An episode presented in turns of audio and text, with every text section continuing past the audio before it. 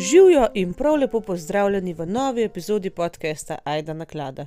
Danes je sreda in spet je na vrsti en kriminalen primer, tokrat en zelo znan primer, za katerega sem bila do nedavnega prepričana, da ga nikoli ne bom obravnavala, um, ker je preveč znan, skoraj no, ampak zdaj je pa že toliko enih informacij, da mislim, da lahko nekaj koherentnega skup spravim. Um, Bi pa na začetku, preden začnemo z današnjo temo, samo povedala uh, par stvari. Se pravi, prejšnji teden je bila precej pozna epizoda objavljena v petek popovdan, ker sem bila kao hripava, pa to, ne, si sem bila. Ampak to, kar je ta teden z mojim glasom, je še stokrat hujše prejšnji teden, in sem se enostavno odločila, da pač posnamem in kar je, je, če bo prehudo, bom pač ustavila, malo pauze si vzela če je pa moj glas mal čuden ta teden, pa pač, pač je, ne, kaj naj naredim. Takšno obdobje je, vsi smo neki prehlajeni in to je to. Uh, druga stvar, ko sem objavila epizodo, sem ugotovila, da jo je enkrat spet pomešal in je namreč na mesto voda dal drugi segment glavnega dela na začetek, še enkrat. Uh, jaz sem to pol videla in popravila, takoj naslednji dan zjutraj, ampak v Google Podcasts enostavno ne spremeni epizode. Se pravi, ko daš ti unpublish, pa ponovno publish v popravljeni obliki, mora pač updatati to verzijo na vseh možnih podcast platformah. In jaz sem preverila, na Spotifyju je nova uh, verzija, ta ta prava, Google Podcast ima pa še zmeraj ta staro, ta smotano verzijo. Tako da jaz upam, da se niste zafrknili s to verzijo. Um, meni je žal, ampak res ta stvar, odkar je šla na, iz Enkorja na Spotify, ne, ne funkcionira, no, ta urejevalnik in ne vem, kaj ne rečem. No. Ker trikrat sem preverila, da so ja, segmenti tako, kaj treba, ker to rado naredijo. Ampak uh, pač je bilo vse v redu, pa pa jaz uh, pač objavim naslednje jutro hočem poslušati, ker velikrat za sabo poslušam malo, da vidim, kako je z glasnostjo zvoka, mislim pač uh, muske in vidim, da je vse pomešano, v glavnem. Nimam kaj drugega reči, no pač tako je. Uh, samo upam, da ste prišli do te prave verzije. No. Jaz več ne vem, kaj drugega ne naredim, sem, kot pa to, kar sem že.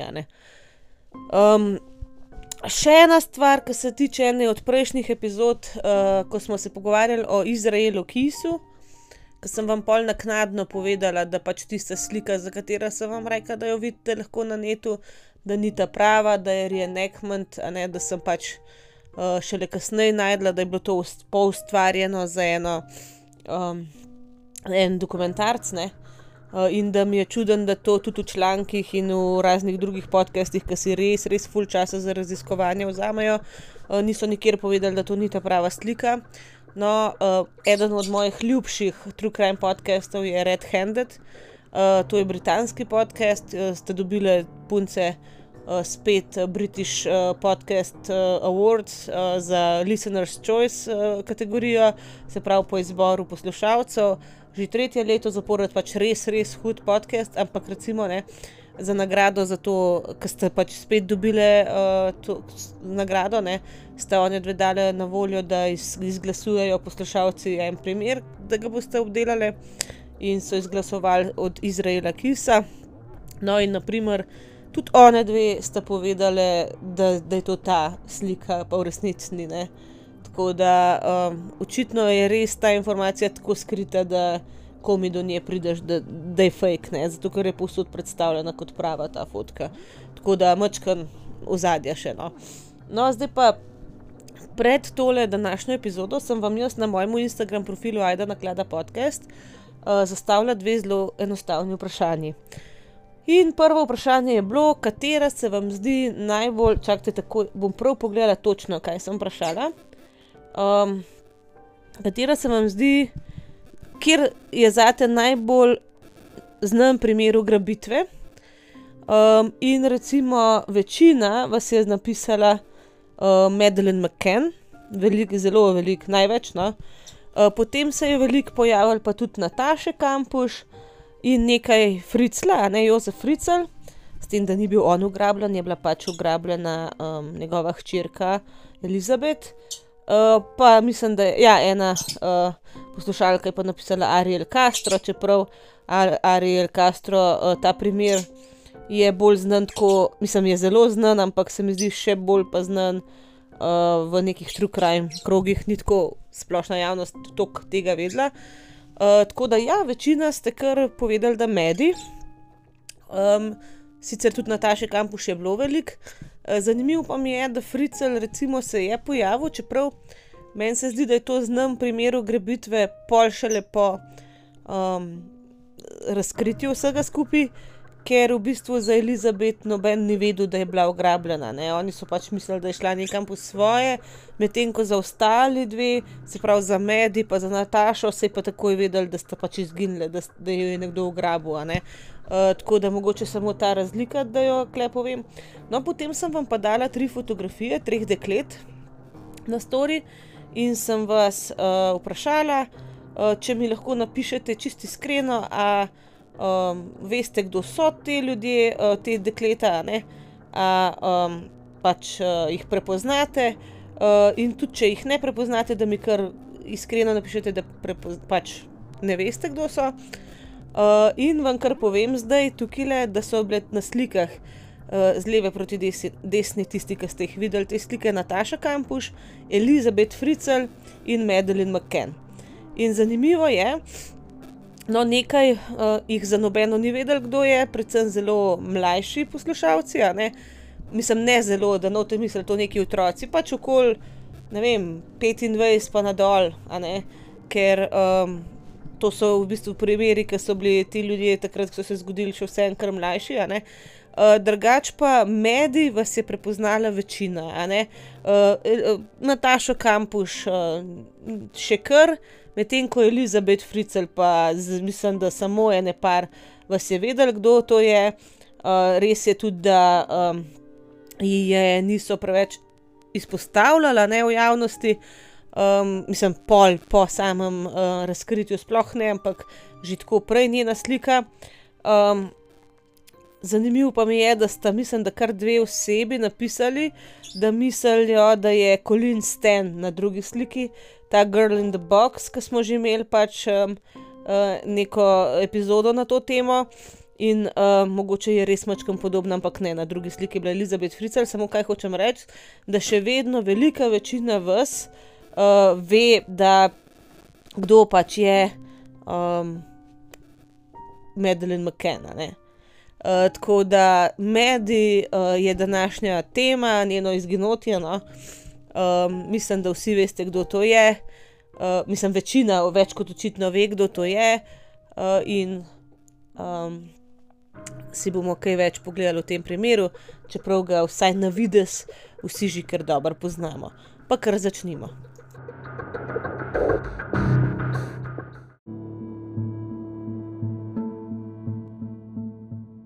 Sam na hitro, če boste kaj, kakšen brenčanje slišali. Uh, Zofi je danes tudi klet, tako da imamo Zofi, imamo hodor, uh, vsi možni, uh, vsi, vsa možna bitja se je najbrž drla kle v tale mikrofon danes, uh, vključno, vključno z mano. Jaz danes res, res težko govorim, no. Uh, tako da tale del podcasta, jaz zdaj že drugič snemam, tako na petih minutah sem ustavila, pa zbrisala segment, ker, uh, ker, ker je bilo tu mač. Tako da gremo še enkrat začeti zgodbo o medijih, mislim, jaz še enkrat, za vas je tole prvič. Ampak ja, um, kot sem že rekla, današnja zgodba govori o Madeline McCann, o njenem izginotju, ampak preden se začnemo ukvarjati z mediji, uh, začnimo z njenimi starši, ker brez njih tudi nje ne bi bilo. In seveda Madeline bomo od zdaj naprej govorili mediji, da bo krajša. Ne? Skratka, uh, starša od mediji sta bila uh, oba dva zdravnika, oba sta bila rimokatolika, čist normalna človeka, zelo običajna, mogoče malo bolj izobražena, malo bolj situirana kot kdo drug, ampak neka normalna družina je bila to. Zdaj, Kate Marie McKenna, njena mati, je bila rojena leta 68 uh, v bližini Liverpoola in je uh, dobila nekakšen um, doktorski naziv leta 1992. Um, takrat je pač iz medic medicino končala, sicer se je potem še specializirala raz v različnih smerih, ampak je na koncu prestala nekako v tej splošni medicini, pač osebna zdravnica je bila, recimo. Um, Medtem ko njen mož, uh, Gerald, uh, Gerald, Gerald kako koli se to prebere, Patrick McCann, uh, je bil pa prav tako rojen leta 68 v Glasgowu, on je pa najprej um, dvojno diplomiral uh, iz dveh smeri in sicer iz psihologije, pa iz znanosti športa leta 1982, uh, 1989, uh, je pa uh, se potem uh, leta 1992 nekako uh, preusmeril še v medicino in je tudi leta 2002 dobil uh, pač naziv doktor medicine.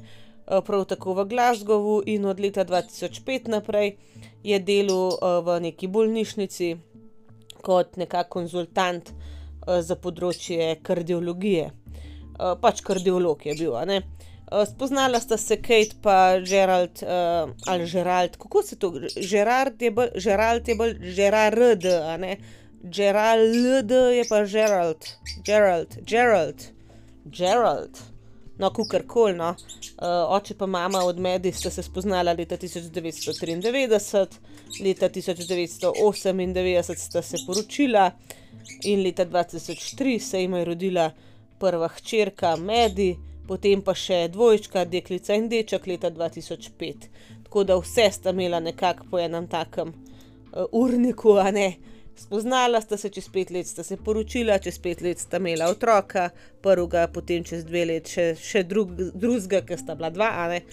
uh, in to je to. Tako nekako en tak umirjen life, uh, družinski, čist po enih, pa ne regalcih, ne se regalcev ni sploh več, ampak uh, tako, kot bi si človek, recimo, če si to želi, uh, dejansko želel, ne nekako umirjeno v enem takem ritmu se jim je življenje odvijalo. No, Medi oziroma Madeline Beth McCann se je rodila 12. maja 2003 uh, eh, v kraju, pa ste zdaj, ne, v pre, prejšnjič, ko sem to res snimala, sem se skoraj jezik zlomila, Leicester, Leicester, ja. Um, In je živela s svojimi starši v kraju Rotli, v okrožju Leicestershire. Te britanska imena, stari moj, ima to je kauna, Worcestershire, sos. Una, ki jo noben ne zna izgovoriti, niso to te imena čudna, no, kar koli. No. V glavnem, skupaj starši je v tem kraju živela, um, bila je pa čisto navadna, blond, uh, lušna, majhna punčka, uh, imela je eno posebnost no, na levem očesu, um, oziroma na desnem očesu je imela uh, en tak temnejši pas, um, te um, pač uh, obarvan, no, ki ona je imela drugače zeleno-modre učke, ampak na desni, desni uh, učki je imela eno tako pego, temnejšo, ne tako potem nekako je bila pol znana, ko se je razširila vest o njenem izginotju, pa tako naprej, ne, ki so jo iskali. Um, ampak drugače, čist navadna, lušna punčka. Um, in um, ja, to je to, kar bomo v njej zaenkrat povedali. Uh, je pa pač uh, leta 2007 se je družina odpravila na eno tako malce daljše, ne lih potovanje, ampak na malce daljše počitnice so šli uh, na uh, portugalsko. Ne? Zdaj, um, starša sta kar dosti delala, ne vse vemo, zdravniki nimajo lih uh, urnikov najkrajših in sta si zamislila, da bi si vendarle družina prvo šla eno malce boljše potovanje. Uh, in so se odločili za Portugalsko, Portugalska je drugačija zelo tako prijazna država, uh, in uh, natančneje so se odločili za eno letovišče, ki se mu reče Praja da Luz, uh, Eh, zdaj, tako bom rekla, jaz sem slišala dve različni izgovorjavi in sicer praja da luz, z zjem na koncu, kot se napiše, in praja da luž. Uh, tako da jaz nisem sigurna, probala sem poiskati izgovorjavo, um, tudi za um, portugalščino piše, da je luž, luz z z-jem, mislim, ampak je drugačna, brazilska pa ta portugalska, portugalska, tako da jaz nisem sigurna, lahko je praja, da luž, lahko je pa praja, da luz. Tako da jaz bom govorila, da luz, ok. Ampak če ni prav, um, se upravičujem. V glavnem. Eh, odločili so se za to letovišče, zaradi tega, ker je bilo tudi otrokom prijazno in tudi niso bili edini uh, njuni trije otroci, uh, kajti tja je šlo v bistvu v to letovišče več parov skupaj, več prijateljev. Um, skupaj je bilo, se pravi, ona dva, uh, zakonca McKen, uh, pa še sedem njunih prijateljev, in skupno so imeli vsi ti ljudje osem otrok. Eh, se pravi, uh, njuni trije, pa še pet drugih. Uh, zdaj teh devet uh, odraslih je vsak večer uh, skupaj večerjalo, pol devetih uh, v tej njiho, njihovi restauraciji, tam v tem rezortu, uh, tako da uh, pač so bili skupaj tam. No? In res so se odločili za eno tako skupinsko. Uh, pač, en, ene skupi, skupinske počitnice, tudi zaradi tega, da dejansko si lahko boste pol tudi starša kaj spočila, vzela kaj frej, ker so si nekako skrb za teh uh, osem otrok, ti prijatelji malo med sabo razdelili. Uh, prispeli so uh, v to letovišče 28. aprila 2007 in uh, sedem noči naj bi tam prespali. Um, zdaj uh, v tej regiji, no, ki se je reče Algarve, um, uh, živi približno tisoč ljudi, sicer uh, poznajo to regijo tudi kot uh, Little Britain, uh, pač um, Mala Britanija, ne, zaradi tega, ker je tam uh, toliko velik nekakšnih Britancev, ali so se tja preselili, ali so pač nekako uh, si nakupili dejansko uh, kakšne počitniške objekte. Uh, tako da tudi uh, nekako rezervacijo so upravili prek neke britanske uh, firme, ki se imenuje Mark uh, Warner. Um, in um, dejansko so potem uh, bili nastanjeni v enem stanovanju, ki ga je imela sicer v, lasti ena upokojena učiteljica iz Liverpoola, uh, in uh, je bila ena od večjih, uh, v bistvu ta nastanitev, ne, ena od večjih. Eh, privatno nekako, uh, privatnih nastanitev, uh, ki jih je imela pač ta um, firma v lasti in jih je pač oddajala ljudem. Tako da v bistvu je bilo še, še bolj nekako nek občutek varnosti, uh, ker je bilo tudi v britanski lasti vse skupaj. Uh, zdaj njihovo stanovanje je bilo uh, na številki 5A, uh, na Rua del Agostinho da Silva uh, da Gostinjo da Silva, ok, spet nekaj, kar ne znam prebrati. Uh, to, je v bistvu, to je bilo v bistvu stanovanje z dvema spalnicama, na, v pritličju je bilo. Um, zdaj, um, ta, um, to stanovanje je bilo v neposrednji bližini tega um, pač resorta, uh, Ocean Club Resort. Um, zdaj, uh, dva druga prijatelja, Matthew in Rachel Oldfield, sta bila v 5B, se pravi, tako izraven. Uh, Jane Tanner in, in uh, Russell O'Brien, še dva prijatelja, sta bila v 5D stanovanju, in um, potem uh, še družina Paynes in Diane Webster, ena, ki je bila pač sama tam, so bili pa v prvem nastropju. Um, zdaj, uh, pe, v stanovanje 5A si lahko v bistvu vstopil iz dveh strani. Uh, zdaj, uh, v dnevno sobo so vodila taka drsna vrata, uh, ki so uh, pač skozi katera si stopil na uh, teraso. Um, no, in uh, recimo na to teraso bi lahko nekako prišel tudi iz uh, ulice, čist iz take javne ulice, medtem ko na drugi strani, ne, um, pač glavna vrata uh, so bila pa na strani v bistvu tega rezorta. Se pravi, uh, terasa je bila obrnjena na ulico, uh, vhod pa na sam rezort. Uh, zdaj, um, ti otroci, no, družine McKen, uh, so spali v spalnici tako izraven vhodnih vrat, ki so jih pač, ki sta jih starša zaklepala po noč, seveda, ne. Uh, in uh, ta spalnica, v kateri so bili otroci, je imela eno okno, ki je bilo nekako na višini uh, pasu, odrasle osebe, govorim, ne, uh, imela, je okno um, zavese in tudi kovinske te um, pač. Um, Uh, žaluzije, ne, uh, ki so bile nekako, uh, ki si jih lahko spuščal uh, s to vrvico iz notranjega dela stanovanja, ne se normalne žaluzije, uh, ki jih vsi poznamo. No. Um, zdaj uh, tudi, uh, tudi te in zavese, in žaluzije sta starša Maken zapirala po noč, um, zato da so pač otroci lahko spali. Um, in um, iz tega okna se je videl na eno pot, ne pač peš pot, pa na uh, parkirišče, uh, ki je v bistvu bilo ločeno od um, tega dela, pač od njihovega posestva, mislim, posestva, od njihove terase, pa tega ne, z enim zelo nizkim uh, zidkom. V glavnem, in medij je spala v posteli, uh, zraven vrat, medtem ko na drugi strani. Uh, sobe sta bila pa v bistvu dvojčka v teh prenosnih potovalnih posteljcah, uh, in um, še ena postelja je bila pa pol pod oknom. Uh, samo ona dva sta bila premajhna, da bi v te veliki uh, postelji spala. Zdaj, njihovo, njihovi dnevi so potekali dost po istem kopitu, uh, zdaj. Uh, Četrtek, 3. maj, nekako je bil pred zadnji dan njihovega dopusta. No? In že zjutraj uh, med zajtrkom je medij vprašala starše, uh, zakaj uh, nista prišla, ko sva jaz pa uh, bratica ne uh, po noči jokala. Uh, zdaj, um,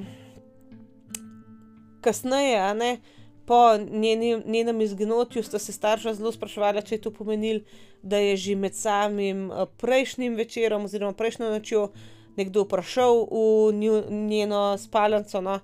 Uh, tudi recimo na uh, njeni uh, pižami od medije je bila neka packa, nek flekarjev, ki ni čisto dobro vedela, odkje bi bil, samo ok, a ne otrok se pač umaže. No? Uh, tako da, ja, to se je čuden zdel, ki je zjutraj rekla, ampak v bistvu nič pa zelo groznega, no, se to so še majhni otroci, samo sta se pa pač zmenila z možem, um, da um, bo pač, um, bo tam malo več hodila jo nadzorovati pač po nočane, da se ne bodo otroci počutili, da noben ne porajta na nje. Zdaj, eh, zjutraj so pač otroci bili v tem uh, klubu za otroke, Kids Club, uh, pač to so bile razne aktivnosti za otroke, fajn so se imeli, um, pol so šli na, uh, na kosilo v pač njihovo stanovanje, v apartma. Eh, in popoldne po kosilu so šli na bazen.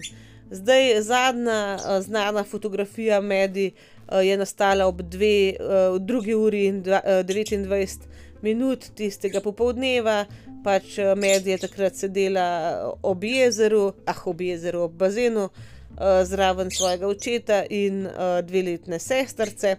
Pol so šli pa otroci spet v ta otroški klub in ob uh, šestih zvečer, ne jih je uh, šla mama pač iskat, kajta ne, in jih je pelala nazaj v njihovo stanovanje, um, oče je šel pa igrati tenis. Zdaj, okrog uh, sedme ure, pol po večerji, so šli otroci spat, uh, jih je, sta jih dala spat, uh, in um, med je šla spat v eni pižamci s kratkimi rokavi. Um, in eh, v bistvu zraven sebe imela svojo to ninico, ne uh, pač to dekco njeno in uh, eno um, plišasto igračo, ki je rekla kadlketa, ne pač neka mačka plišasta. Um, zdaj uh, ob, ob 20 uri in 30 minut, se pravi, otroci so že nekaj časa spali, so se pač uh, vsi odrasli odpravili na večerjo v nek uh, tapas restauracijo. Um, in, uh, kot sem že rekla, uh, McKenz, uh, mislim, te dva starša McKen, sta uh, zaklenila vhodna vrata, sta pa pustila v bistvu uh, odklenjena ta uh, drsna vrata, ki vodijo na teraso, zaradi tega, da boste hodili nadzorovati otroke, ne bo treba vsakič odklepati, butati s temi vrati, uh, da jih ne bi slučajno. Um, uh, pač zbudila.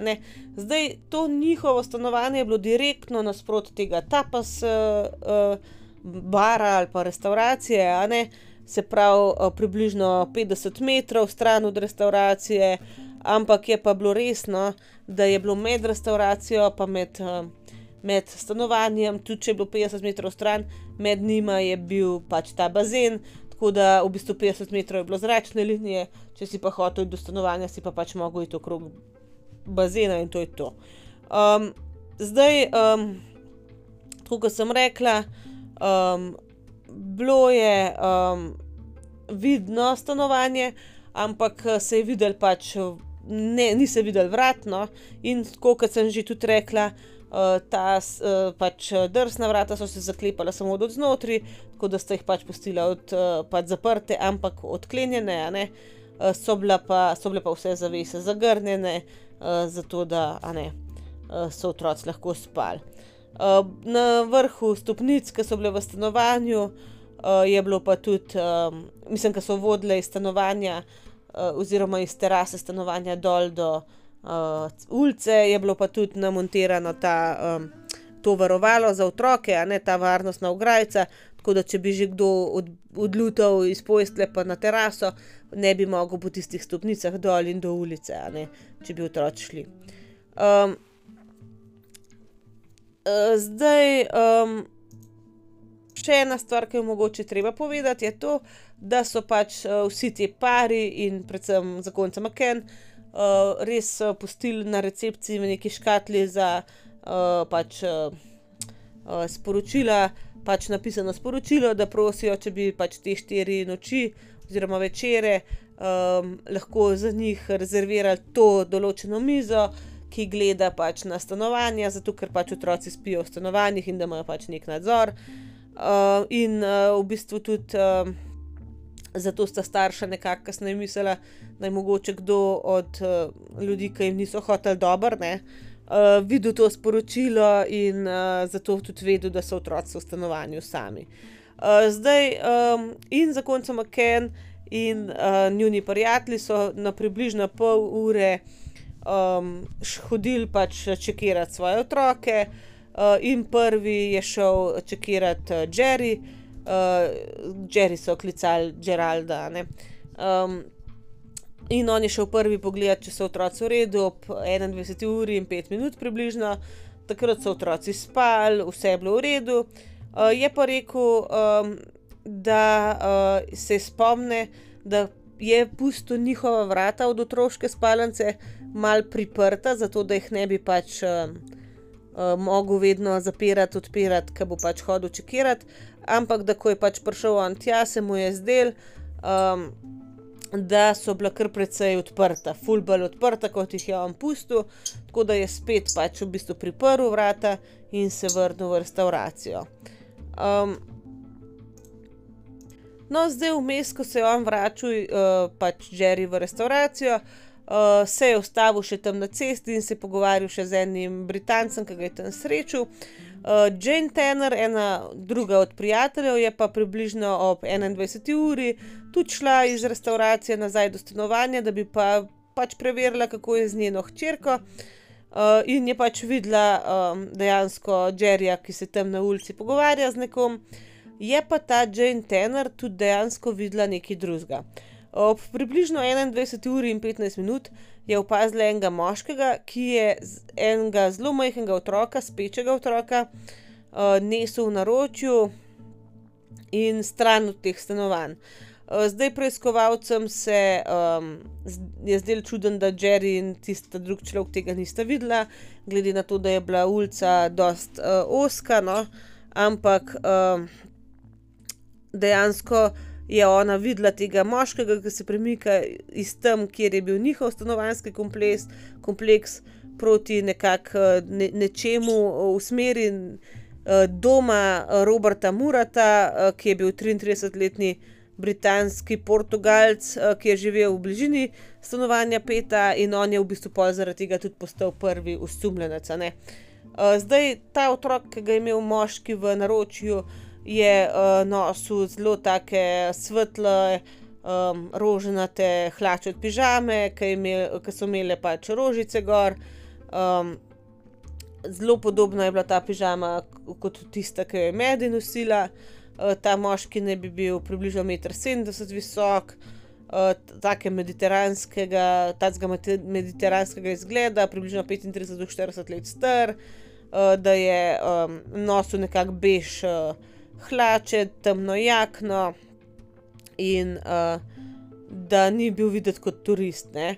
Uh, zdaj, uh, takoj, ko se je pač uh, ugotovilo, da je Medi pogrešana, je Jane uh, to informacijo predala policiji in uh, dejansko so narisali tega človeka in uh, izdali to sliko oktober 2007 v javnost. Uh, zdaj, to uh, nekako to videnje tega človeka je bilo še kar pomembno, tega, ker je v bistvu um, uh, nekako sovpadalo s časovnico, kdaj naj bi bila ugrabljena, ampak uh, dejansko so v oktobru 2013 identificirali tega človeka uh, kot uh, nekega um, Britanca, ki sicer uh, živi v tem, uh, v tem predelu, on je. Um, res tam hodil z punčko v naročju, ampak to je bila njegova hčerka, ki je šel iskat v ta Ocean Club, kot kar nek vrtec, no, varstvo za otroke, ki ga imajo kar do poznih večernih ur. In uh, v bistvu, ja, njega so videli, on se je pol sam javil, tako da v resnici ni bilo uh, nič uh, uporabnega. Ne?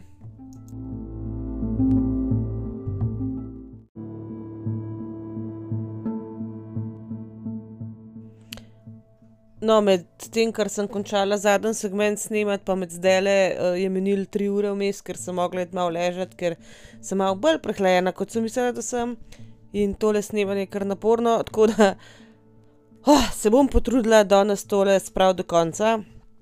Sem že razmišljala, da ne bi, ampak bom, da boste imeli epizodo. Skratka, ostali smo tam, kjer smo v bistvu imeli neko videnje enega človeka, ki je nosil majhnega otroka v rokah, ampak smo ugotovili, da to ni bila medija. Ne? Ampak to ni bila edina oseba, ki so jo videli ti dan. Kasneje, ko so v bistvu to uh, osebo našli in ugotovili, da dekalca ni bila medij, um, so dobili še eno um, drugo pričo, oziroma kar par. In sicer 26. maja sta prišla do policije uh, Mar Martin in Mary Smith, ki sta bila prav tako uh, v Praji Delus uh, na počitnicah, bila sta Irca sicer, ne?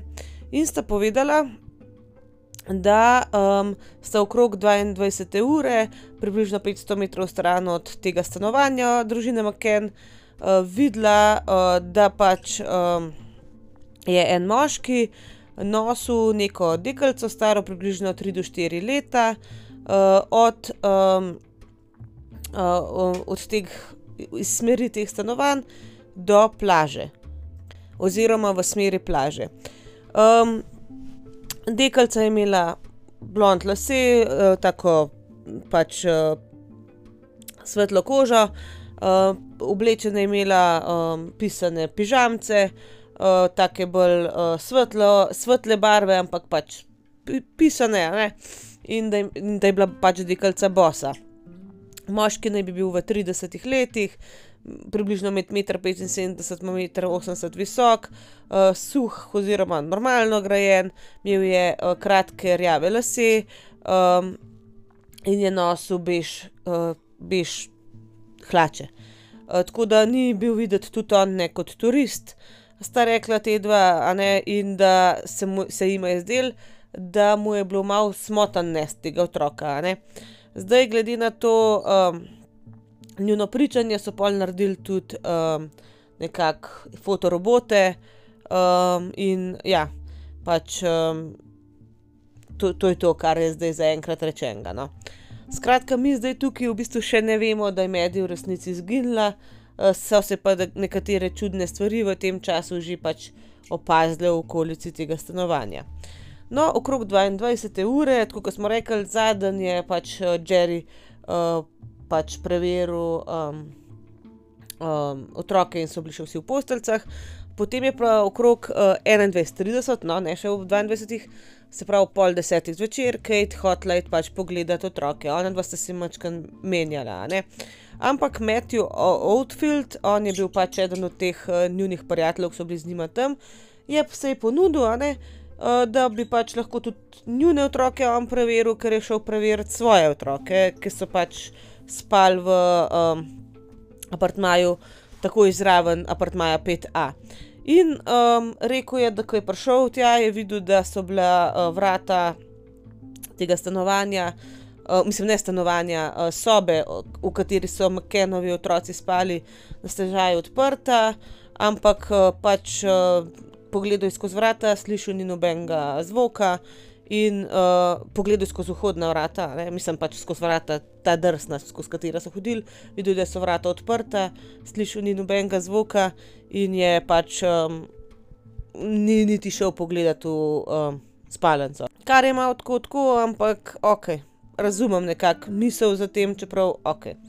Um, tako da on ni mogel jih pa reči, da je bila medi še tam, jo ni bilo kakorkoli ni niti orang preveril. Tudi ni se mogel spomniti, uh, a je bilo um, to okno v spalnici od otrok zaprto ali ne, um, a so bile recimo te zunanje žaluzije dol spuščene, nič od tega ni uh, vedel, in recimo. Um, na začetku preiskave je policija, portuga, portugalska policija, obtožila Oldfielda, v bistvu, da je imel neki zraven, uh, zaradi tega, ker se je pač javil, da bo preveril otroke, uh, in so nekako um, sugerirali, ne, da naj bi on mogoče celo izročil medij pač nekomu skozi uh, to okno ob 22. uri pa je bila na vrsti Kate, ona je takrat vendarle rekla, ok, zdaj pa grem jaz pogledat. In um, Scotland Yard, ne, to so ti preiskovalci uh, britanski, ne, so rekli, da najbrž po vsej verjetnosti je bila Medi nekako ugrabljena trenutke predtem, ko je Kate prišla. Kate je rekla, da je pač prišla skozi um, um, to. Uh, ta vrata, no, skozi teraso, a ne skozi ta drsna vrata v stanovanje, in da je takoj opazila, da so vrata od otroške sobe na stažaj odprta. Um, ko je skušala zapreti ta vrata, uh, je pač prepih potegnil in um, so se zelo putili, v resnici. Uh, in takrat je nekako šele opazila, da, so, da, je bila, da je bilo okno v otroški sobi na stažaj odprto uh, in da so bile odprte tudi zavese in ta um, žaluzija, ki smo že prej o njej govorili. Um, od Medellin, ta muca, pač um, plišasta, je bila še vedno na posli, tudi njena dekca, ampak Medellin ni bilo. Uh, Takoj je najprej Kate naredila to, kar bi najbrž naredil vsak starš. Je pomislila, da je mogoče šla na stranišče, uh, uh, iskala mami karkoli, da je odtavala ven iz svoje posteljice in je na hitro pač Kate preiskala stanovanje. Um, ampak, ko medij nikjer ni bilo, je stekla nazaj v restauracijo in se je drla, pač kričala je, uh, pač medij, medij ni več, nekdo je vzel. Ob približno um, 22 in 10 minut je uh, Jerry v bistvu poslal Matthew, Matthewa Oldfielda, tega, ki je šel prej preveriti, uh, na recepcijo, če lahko pač pokličejo policijo. In ob pol enajstih je cel rezort v bistvu aktiviral um, nek protokol za pogrešanega otroka, Tako da, kot vemo, ne, to je bil rezort, ki je bil namenjen družinam, sigurno ni bil prvi primer, da se je kakšen otrok zgubil, ne, da je odtavil in so imeli resno pač določen protokol, po katerem se začne pač tega otroka iskati. Tako da um, nekako so. Um, predvidevali, da je medij odtavala nekam po svoje, in 60 uh, članov osebja, pa tudi uh, uh, gostov tega rezorta, so v bistvu do pol petih zjutraj iskali medij, uh, povsod, kamor bi ona lahko v, bistvu v tem rezortu v tem času zašla. Zdaj, um, uh, rekel je eden od njih, potem novinarjem kasneje, no, da uh, iz enega konca praja Deluza na drugega se je slišalo v bistvu medije no ime, ko so jo klicali uh, pač ko so jo iskala. Ne. Ok, uh, itak so takoj obvestili tudi policijo, kot sem že rekla.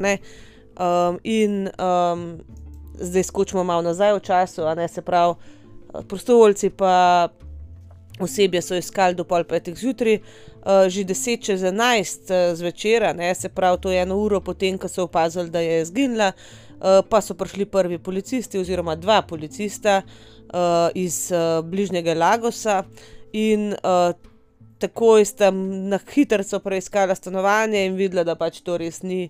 Stvar za nje, mislim, da je izven njihovih uh, zmožnosti, nekako, in so obvestili k, kriminalistično policijo.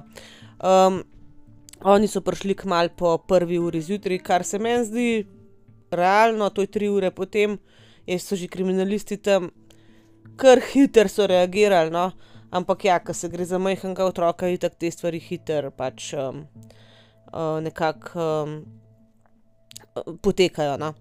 Uh, ob dveh zjutraj so pripeljali tudi dva uh, psa, a ne. Uh, Uh, in ob, uh, os, mislim, ti dva psa sta bila samo pač policijska psa, ob 8 zjutraj so prišli pa štirje uh, ti psi, uh, ki so prav narejeni, uh, mislim, naučeni za and rescue. Um, zdaj um, dejansko so tudi policisti, ki so uh, bili takrat fraj, prišli v službo, začeli so preiskovati razne. Um, pač vem, potoke, tam vodna telesa, različna. No. Potem, naprimer, um, vodnjake, uh, jame, um, kanalizacijo, um, pol razne uh, te ruševine okrog Praja Deluza. V glavnem, dejansko so orang orang začeli preiskovati in inšpektor Gonka, Gonkalo Amaral, tudi ni prav prebrani ime, sorči. Uh, on je bil nekako uh, vodja teh uh, kriminalističnih policistov, je postal nekako vodja te preiskave. Zdaj uh, vsi dobro vemo, tisti, ki mačkam poznamo, kako tok. Ta primer, da so se naredile mnoge napake v tistem času, v teh nekako uh, pravijo temu Golden Hours, ne, oziroma uh, zlate ure, uh, takoj po izginotju, ker to, to je najpomembnejši čas. Pravijo, da za vsako uro po izginotju se zmanjša možnost, da se otroka najde, oziroma najde živega. Ne? In recimo, prva in največja napaka, ki se je naredila, da niso obvestili ne obmejne policije, eh, niti teh. Um, zdaj jaz ne vem, kako bi se to pri nas povedal, pomorska policija, mogoče. Te, ki so v bistvu na, um, na morju, a ne kar obaljna straža, samo pač policija. No?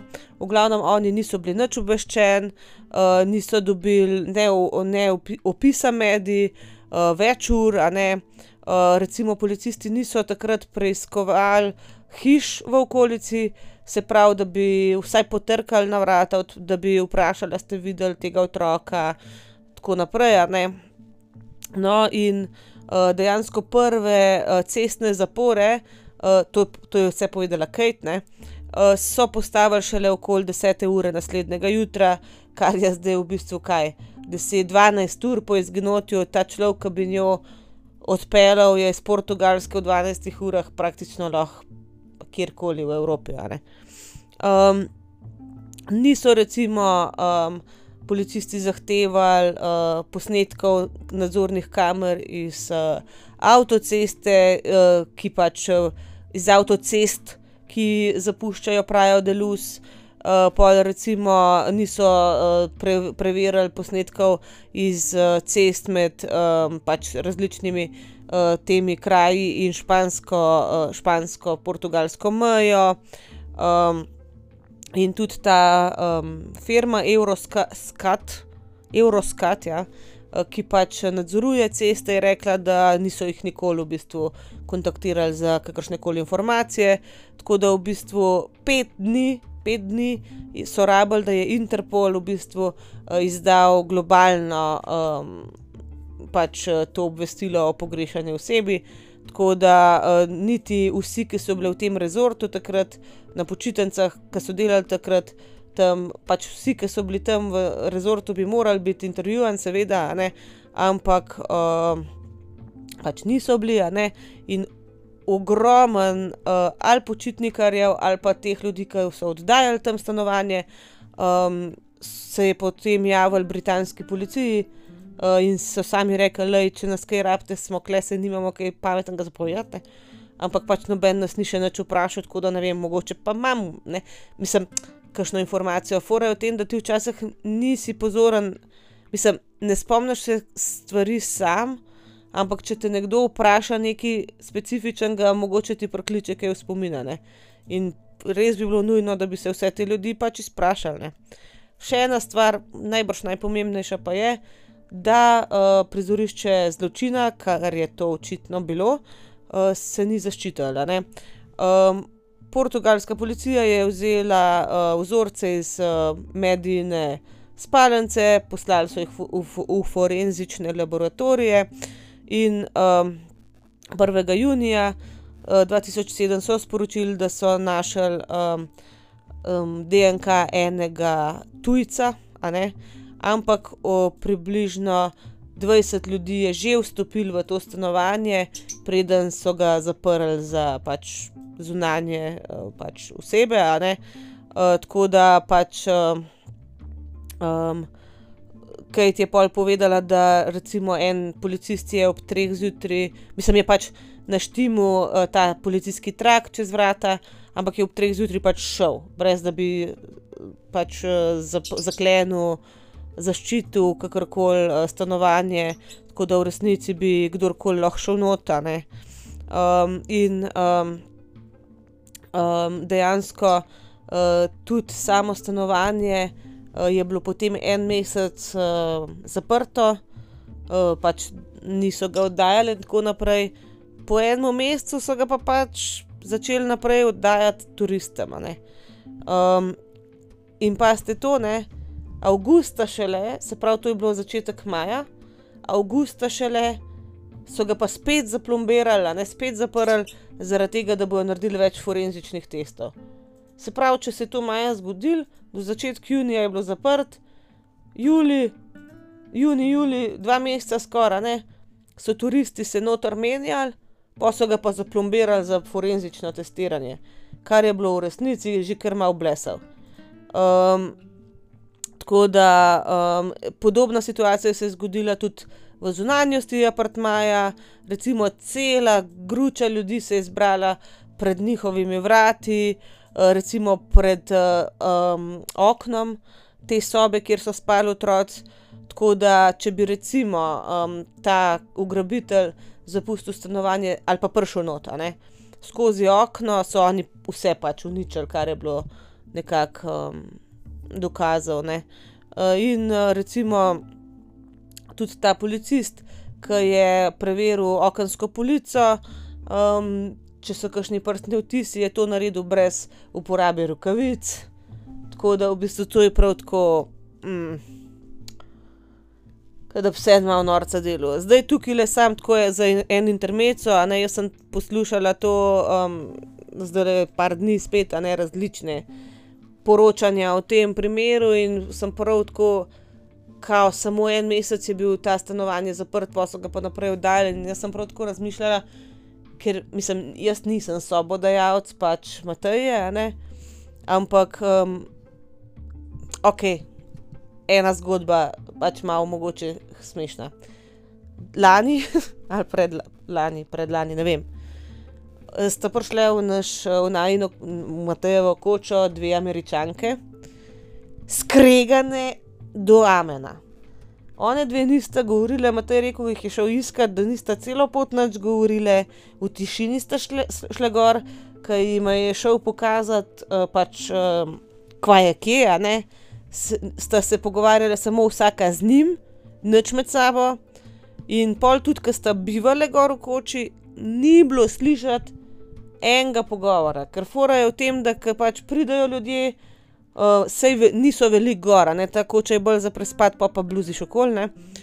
Uh, ampak ko so gor, pa se sliši smeh, pa se sliši pogovor, pa če ne drugega pisma, vprašaš, kva ta jedla jutra. A ni to ena najbolj osnovna stvar, da se človek, človek pogovarja, kva bo jedel ali pa če v kofe pil. No. One dve niti to, nič se nista pogovarjala, tako sta bile skregane. uh, dobesedno hodile sta na izlete vsaka posebej. Recimo, ena je vzela ključe, pa je šla za cel dan, ne vem, postojno na pamet govorim, ta druga je pa šla v, ne vem, Ljubljano, zdaj se izmišljujem, ne. Ampak to, da dobite vtis, uh, kakšne sta bile, kako skregane med sabo. Um, in enkrat, fora je pa v tem, da je gor ta kemični WC, ki ga je treba prazniti, ponavadi se to v dveh dneh nafila in sporočijo, in gre gor sprazniti. To je bilo že tretji dan, četrti dan, ona dve nič ne sporočita. Po pa mi dva ugotoviva, da že tri dni nisva nobene videle, videla, a ne. Zvokov tako ali tako ni bilo od gor. In jaz tako v fori rečem: "Daj, Matej, pojdi pogledat, če se niste pobile med sabo, ker kdo pa to pucal, a ne." Mislim, jaz sem se, zdaj to je črn humor, jaz sem se takrat zafrkavala, ampak sva res malo preverila, malo je poslal en message, vse okej, pa če rabite kaj, a ne. V redu je bilo, samo pač toliko skregane sta bile, da jih sploh gor ni bilo pol časa. Ampak takrat sva se sicer hecala, samo pol sem začela pa jaz razmišljati, ti kot, sobodajalec, ne, da se tebi naredi taka stvar, kot se je naredila a ne. to je bilo začetek maja, pa ajde, pozabimo, sočustvujemo vsi, jaz razumem, da sočustvujemo, ampak ti ljudje, na primer, okej, to stanovanje je imela v lasti ta mislim, ta družba, ke sem vam že prej povedala, in ni bilo edino stanovanje, tako da jaz mislim, da ne bi zdaj oni propadli, če enega stanovanja eno poletje ne bi oddajali, ne.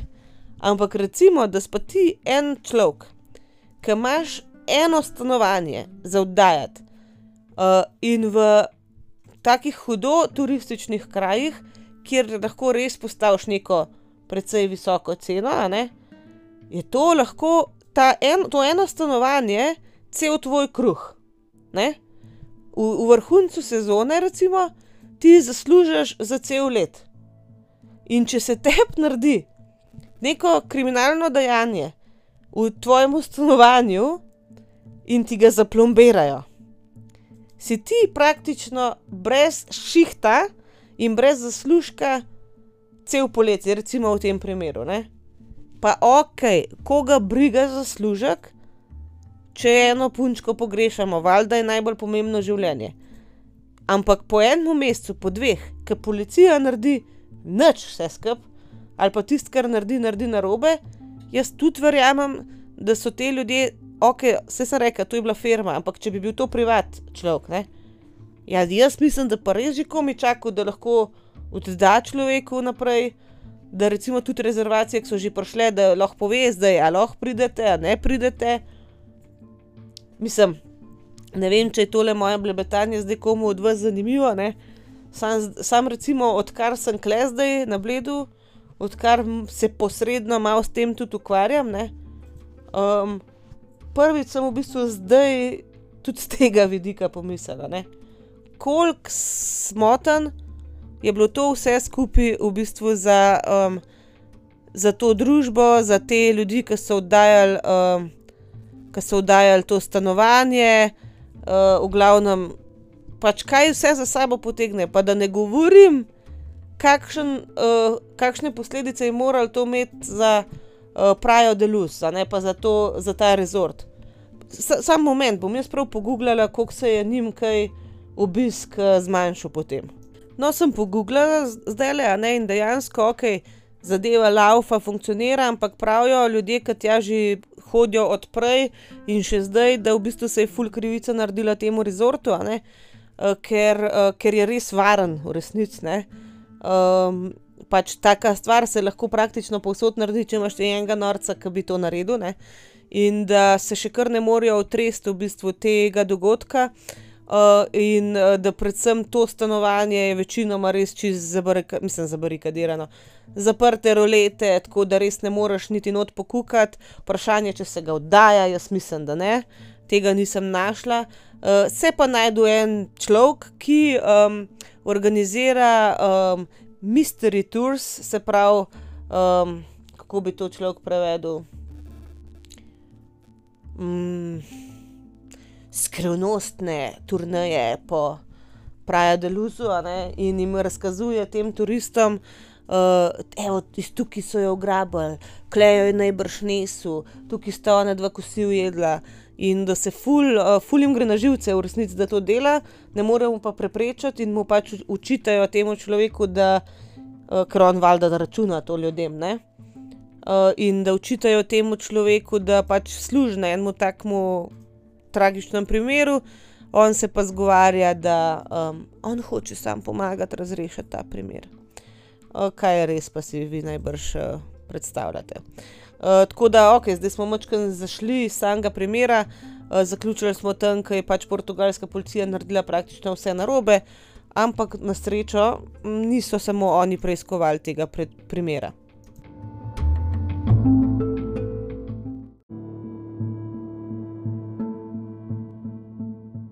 No, um, seveda se je tudi britanska policija odzvala, seveda, ne, to je bila njihova državljanka in so se nekako strinjali, da uh, bo prevzela primer uh, medijina domača nekak policija, to je se pravi policija iz Leicestershire, kakorkoli se to prebere. Ne. Uh, dejansko je njihov uh, nekak poveljnik. Uh, um, Const Chief Constable Matt Bagot, Bagot, to se sliši čist na robe. Uh, Ani Megot je pa črl, no, Bagot uh, je pač uh, koordiniral ta britanski nekak uh, um, pač bataljon, ki je šel tja, ne, zaradi tega, ker pač ni bila samo policija vključena, uh, dejansko ta strateška uh, skupina, ki so jo sestavili uh, je v bistvu se, bila sestavljena iz uh, policije, se pravi iz Leicestershire, uh,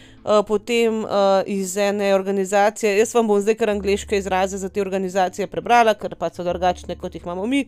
Uh, Serious Organized Crime Agency, se pravi Agencija za organiziran uh, kriminal, potem Child Explo Exploitation and Online Protection Center, se pravi uh, Center za um, zlorabe in izkoriščanje otrok, pa, um, pa zaščito na spletu, in uh, National Police Improvement Agency, to pa pač karkoli je. No.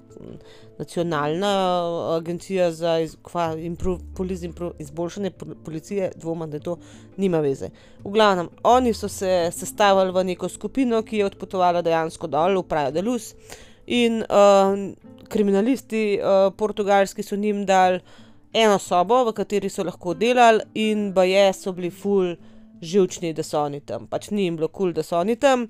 Um, in um, dejansko um, um, so uporabljali britanske policiste, da so nekako upisovali uh, informacije v neko um, bazo podatkov njihovo, ne. Uh, na portugalskem, ki jo imajo, in uh, um, mislim, na portugalskem nimajo te baze podatkov, na portugalskem vse skupaj uh, shranjujejo v škatlah. In uh, so oni rekli, da če hočete imeti pa neko bazo online ali pa pač tako računalniško, pa vi v vašo vneste in so vse te portugalske um, podatke vnašali oni v te njihove baze, kaj ni računovodje, so klikali tam cel dan v Excel in um, to je bilo to.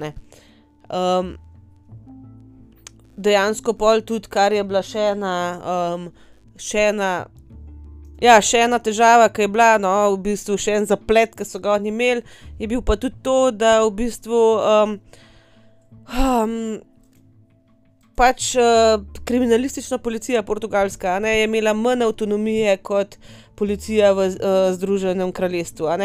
Se pravi, oni so mogli uh, vse čas nekaj čakati, da se bodo ti neki uradniki stvari odločili, uh, to je pač uh, upočasnjevalo stvari.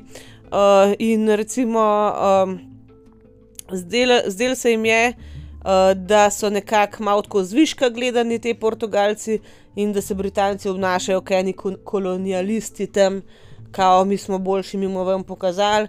Uh, verjamem, da so neke stare zgodovinske travme tukaj še vključene, um, po drugi strani pa pač stvar vam ne funkcionira. Ne? Da um, naučite se mogoče od koga, kjer stvar funkcionira, funkcionira malo boljš. Uh, je pa tako, da se ste slišali zdaj iz vseh teh primerov, ne glede um, na, um, na to, pač, kje se je zgodil, imaš dobre policiste ali pa slabe, a ne niti ni to kot organizacija, odvisen kot od ljudi, ki to dejansko delajo.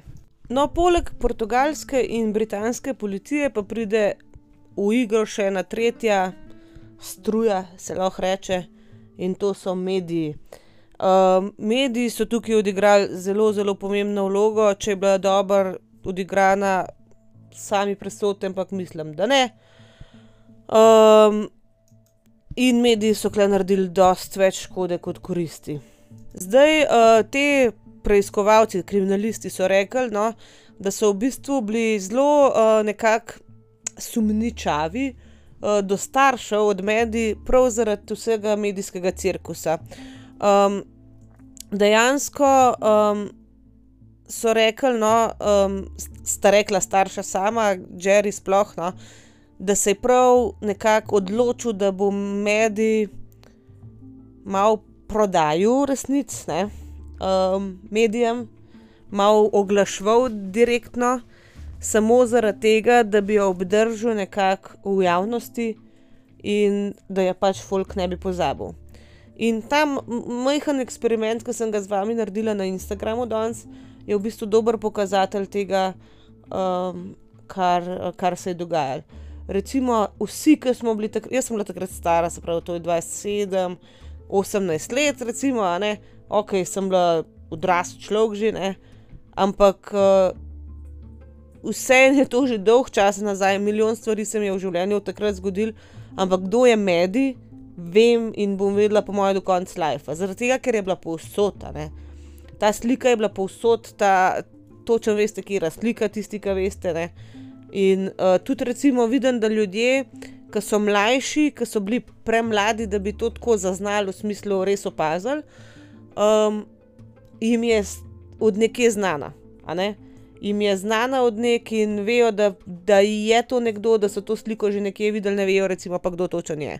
Tako da Jerry je imel to kar prav. Ne? Pač on jo je s tem, ko jo je imel prodal medijem na nek način, jo je obdržal v javnosti, obdržal v nekem kolektivnem spominu. Ne. Dejansko so potem prišli v Prajo Delus tudi neki pač strokovnjaki za PR, dejansko, ki so jim svetovali, pač kako naj, kako naj se v medijih obnašajo. tudi njih uh, je lokalna policija, pa kriminalisti so jih totalka prezirali, ker se jim je zdelo, da je to kontraproduktivno, da delajo več škode kot koristi. Uh, in um, um, prvih deset dni se je pač uh, neki um, PR-ovc iz ene firme Bell Pottinger uh, pač uh, ukvarjal s tem primerom. Eh, potem so pa dejansko iz britanske vlade, pa ste po desetih dneh um, pač uh, poslali neke um, ljudi, neke strokovnjake za PR, in pa je, da se to še ni zgodilo, ne? da bi za nek tak privat namen vlada dala PR-ovce svoje. Uh, sam zdaj le uh, razmišljam, ne.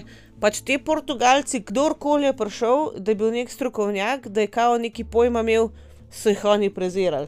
Mislim, ne vem, no, v čem je fora teh manjših. Recimo, jaz mislim, da ta njihova policija tam ni neki velika. Ne? Kaj da bi rekel, da greš, ne vem, v spodnji duplek, sorry, če kdo z dupleka zmeraj spodnji duplek, imam na tapeti, ampak da ima spodnji duplek policijsko postajo, pa pa iz zgornje kungote, ki je večja, pride en uh, kriminalist, pa ga v dupleku ne marajo zaradi tega, ker je pa on skungote, pa so oni, kva se bo nosil ta meščan. Mislim, da tako se meni zdi ta le portugalska. Ne vem, kdorkoli je prišel, je nam pamet solite. In to me spominja, če dobro pomislim, na primer Amanda, Am, Amanda Knox, Knox, ne. Um, če se spomnite, ki je v Perugi dol, uh, ki je bil ta primer, ki je tudi ta njihova policija se je zapičila v eno uh, idejo in so jo furali do amena, in nihče jim ne bo pametoval, vse so narobe naredili, ampak noben ne bo pa pameten. In tudi tam so prišli američani, a niso prišli. Zdaj se več ne spomnim, sam vem, da so prišli, ker je bila ona američanka, pa jim niso nič pustili, pa ne, ker mi smo pametni, smo kle doma. Ne, ne vem, no. Pač to je uno, jaz mislim, da se stvari tako resne, pač požriti iz tega, no, ampak le se vidi, da je bilo kar precej. Um, v glavnem dejansko so um, naredili več um, teh um, novinarskih konferenc, oj, ta izraz mi je zdaj le čisto šel. Um, Imela sta zelo, zelo pač natančna navodila, kako se morate obnašati, um, starša, ne, McKen. Um, malo so jim učitelj, da pač sta hladna, da noč na jokata, hčerka mu je izginila, ti pa na jokaš, a ne sploh. Sploh Kate so zelo s tem maltretirali, ker kaj ona bi mogla tuliti tam gor. Uh, ampak sta kasneje povedala, da ona da sta dobila pač taka navodila, zaradi tega, ker fora je v tem, um, da recimo, ko pridejo te stvari, um, ne samo uh, te kakšne konference novinarske, ki še ne izgine, pa ga hočejo nazaj, ampak tudi recimo za um, pojavljanje na sodišču, naprimer, dobijo ljudje um, nekakšne svetovalce, kar se tiče vedenja, pa prezentacije sebe pred drugimi ljudmi. In recimo, velikrat je rečen, recimo, ne preveč kazati čustev, um, ne biti uh, full uznemirjen videti. Bod zbran, bod pač ne hladen, ampak zbran, pa pre, čim manj čustveno povej, kar imaš zapovedati. In dejansko taka navodila sta dobila in sta se potrudila to tako narediti. Sam lih zdaj le sva včeraj gledala neko to novinarsko konferenco, takrat one, da sta videti mislim, on ima podočnjake, kot je bilo v enem filmu rečeno, ki je jajca od, od, od Unga, kaj že, uh, ne Hugh Hefner, kaj že bil, aj bil Hugh Hefner od, uh, od uh, Playboya. Um, Ja, Hugh Hefner je bil. V enem filmu je bilo, ki je bil en čist zmatran, so mu rekli, imaš, imaš podočnjake, kaj jajca od Hugha Hefnerja. No. Mislim, tu oh, so res ni smešen, ne pa še zraven. Ampak Jerry je bil videti strošen, podočnjakast, uno, ki se mu vidi, da ni spal, odkar se je to zgodil. Kate na drugi strani je bila pa videti, kot hodečo kostnakno. Pa ne, pa ne zaradi uh, tega, ker je bila pori suha, se mi zdi še bolj kot prej. Mislim, prej je bila tako pač ženska šlanka, ampak pa je bila pa presušena, ampak tist pojedena od znotraj, ki vidiš, da jo je prežrl um, ta skrb čist totalno. No. Tako da res jaz ne vem, no, tema staršema. Jaz ne vidim neke hude hladnosti, jaz vidim dva starša, ki sta se potrudila tistih 50 tam izdavati kar to koherentno se da. No. Uh, v glavnem, uh, naredila sta takoj zelo hiter fundacijo, Madeline's Fund, uh, Living No Stone Unturned, že 15. maja, v bistvu, da bi nekako zbrala in denar in razširila nekako uh, znanje o tem primeru. Um, 58 milijonov ogledov je ta stran prvi, prve dva dni pač prvabla. Um, dejansko so, uh, je njihov, uh, njun, uh, njuna PR ekipa uh, v juniju in v maju organizirala en kup uh, raznih dogodkov, da bi nekako spodbudili zanimanje za ta uh, primer. Recimo, šli so uh, v Fatimo, recimo, ne.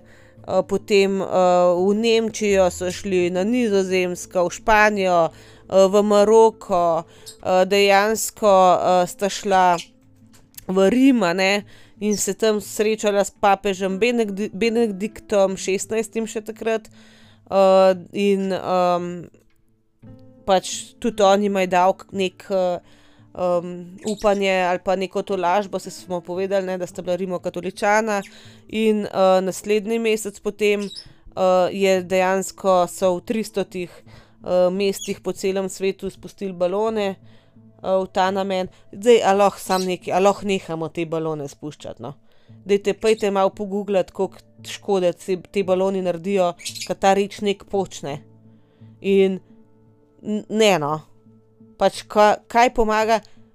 A, mislim, a, Una Nataša Kampuš, ki je bila tam noč zaprta, pa priklopilu takrat šest let, oh, poglej, balone spuščajo meni v čast, zdaj sem pa že bolje. Mislim, ne vem, no, kakšen namen ima to za karkoli, razumem pač neko osveščanje, ampak se, no, nima veze spet. A ne, po eni strani ne morem danes noč govoriti, po drugi strani pa blebetam kar neki vse čas, no, nima veze. Uh, v glavnem, um, dejansko se je potem začel um, že na začetku junija, pa pojavljati vse neki dvomov. No? Ne dvomov lih v starša, ampak v profesionalnost novinarjev, ki so o tem primeru poročali. Pravijo, da če si dal medij na naslovnico pač časopisa, v Veliki Britaniji govorim, si takoj prodal 30 tisoč um, izvodov časopisa več. Uh, in dejansko um, so ljudje v bistvu sproducirali zgodbe samo zato, da so jih lahko printali, zato da so lahko prodajali časopise. In um, zdaj pa ste. 28. maja 2007 je bila na naslovnici revije People. Uh, bila je na naslovnici uh, večjih britanskih tabloidov vsak dan, šest mesecev, vsak dan. Um, na uh, Sky News, a ne um, pač spletni strani, ki bi rekel 24 ur, recimo, so dejansko v meniju dal opcijo, recimo UK News, Medellin, pa World News. Se pravi, ona je imela svoj zavihek, da bi rekel črna kronika, vreme, šport, ceste, pa mediji. Pač dejansko svoj zavihek je imela, kot smo, kot naprimer, imel COVID svoj zavihek ali pa poplave zdaj. Evo, taka novica je bila to. Uh, med majem 2007 in julijem 2008 je portugalski tabloid Correio de Manja, Manja, Manja, Manja, whatever, uh, objavil 384 uh, člankov o mediji. Se pravi, za vsak dan več kot en članek. In do junija 2008 uh, je, če si pač, uh, pogu, pač uh, na, v uh, Google dal um, pač njeno ime, na YouTubeu YouTube bilo že 3680 videov in 7 milijonov objav. Do junija 2008, se pravi, to je en let, pa en mesec. Tako da to je ratelj noro. Ampak nas najbolj zdaj zanima, uh, zanimajo pač uh, usumljenci, uh, pač kje se je začel dejansko iskati usumljence.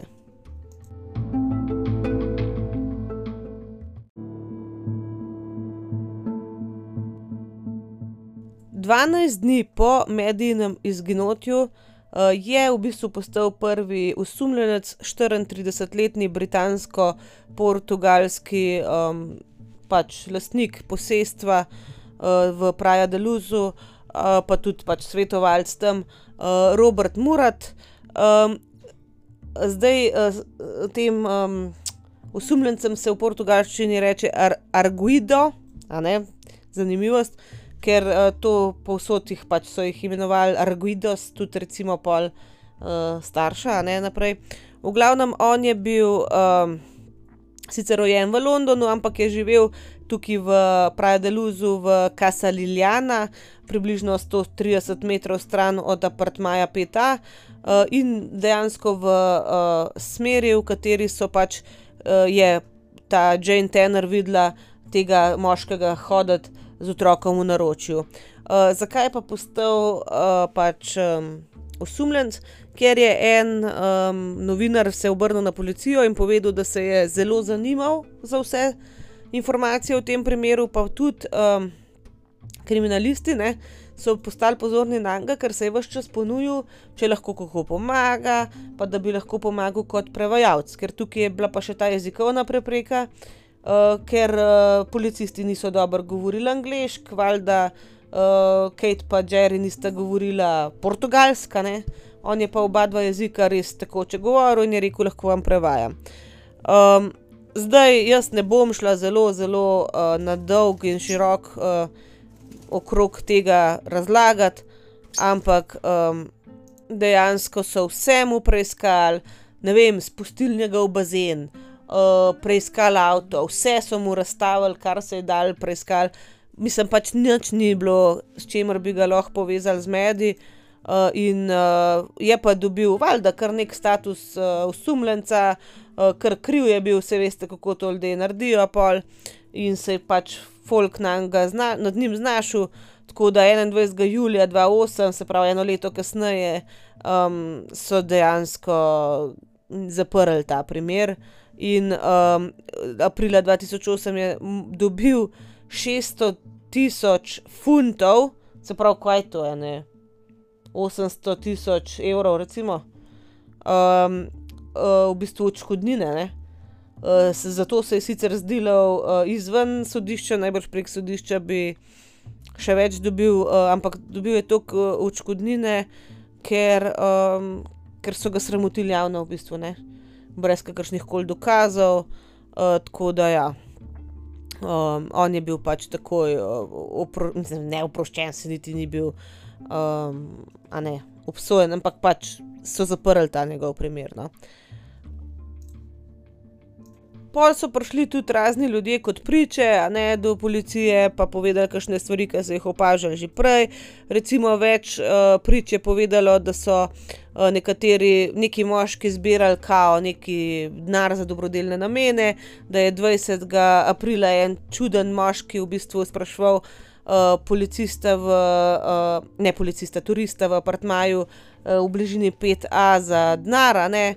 Eh, ker kao zbira za neko sirotišnico, mislim, da prosto za denar, ampak da je da v tistem okrožju, kjer naj bi bila ta sirotišnica, ni bilo dejansko nobene sirotišnice in da je bil ta človek zelo tak um, usiljiv uh, in se ta oseba zelo slabo počutila. Uh, dejansko pa tudi uh, 25. ali pa 26. aprila, ne vejo točno, no, so turisti, ki so bili pred McKenovimi. Um, v tem apartmaju, se pravi, ti so prišli 27, se pravi, to je bilo dan ali pa dva prej, uh, našel moškega na njihovem balkonu, uh, ki je prišel na en.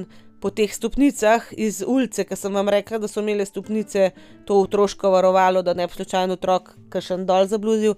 No, po teh štengah je on prišel na njihov balkon, uh, da je bil zelo vljuden, da je bil recimo obrit, um, urejen, in je pro, uh, spraševal za um, denar, ne prosil za denar za neko sirotišnico. Uh, na dan izginotja 3. maja pa so dejansko bile štiri uh, donacije zbrane uh, strani dveh moških v ulicah v okolici 5A stanovanja. Ne, uh, v glavnem, skozi neka čudna stvar se je okoli tega dogajala, tako da niso vedeli, to s čim povezan. Eh, potem so pa še v bistvu povedali, da so 2. maja na drugi strani ceste, nasprot uh, stanovanja 5A, videli grdega uh, blond moškega, uh, ki naj bi pač opazoval stanovanje 5A. Še enkrat prej so ga videli 29. aprila v bližini Ocean Club, uh, restauracije te, ne. Um, in 30. aprila ga je uh, vnukinja od um, pač lastnikov stanovanja 5A tudi njega videla, v bistvu, da se je uh, naslanil na zid, uh, v zadnji za apartmaji, in še enkrat ga je videla 2. maja, spet v bližini te tapas restauracije, ki je spet upazoval stanovanje 5A.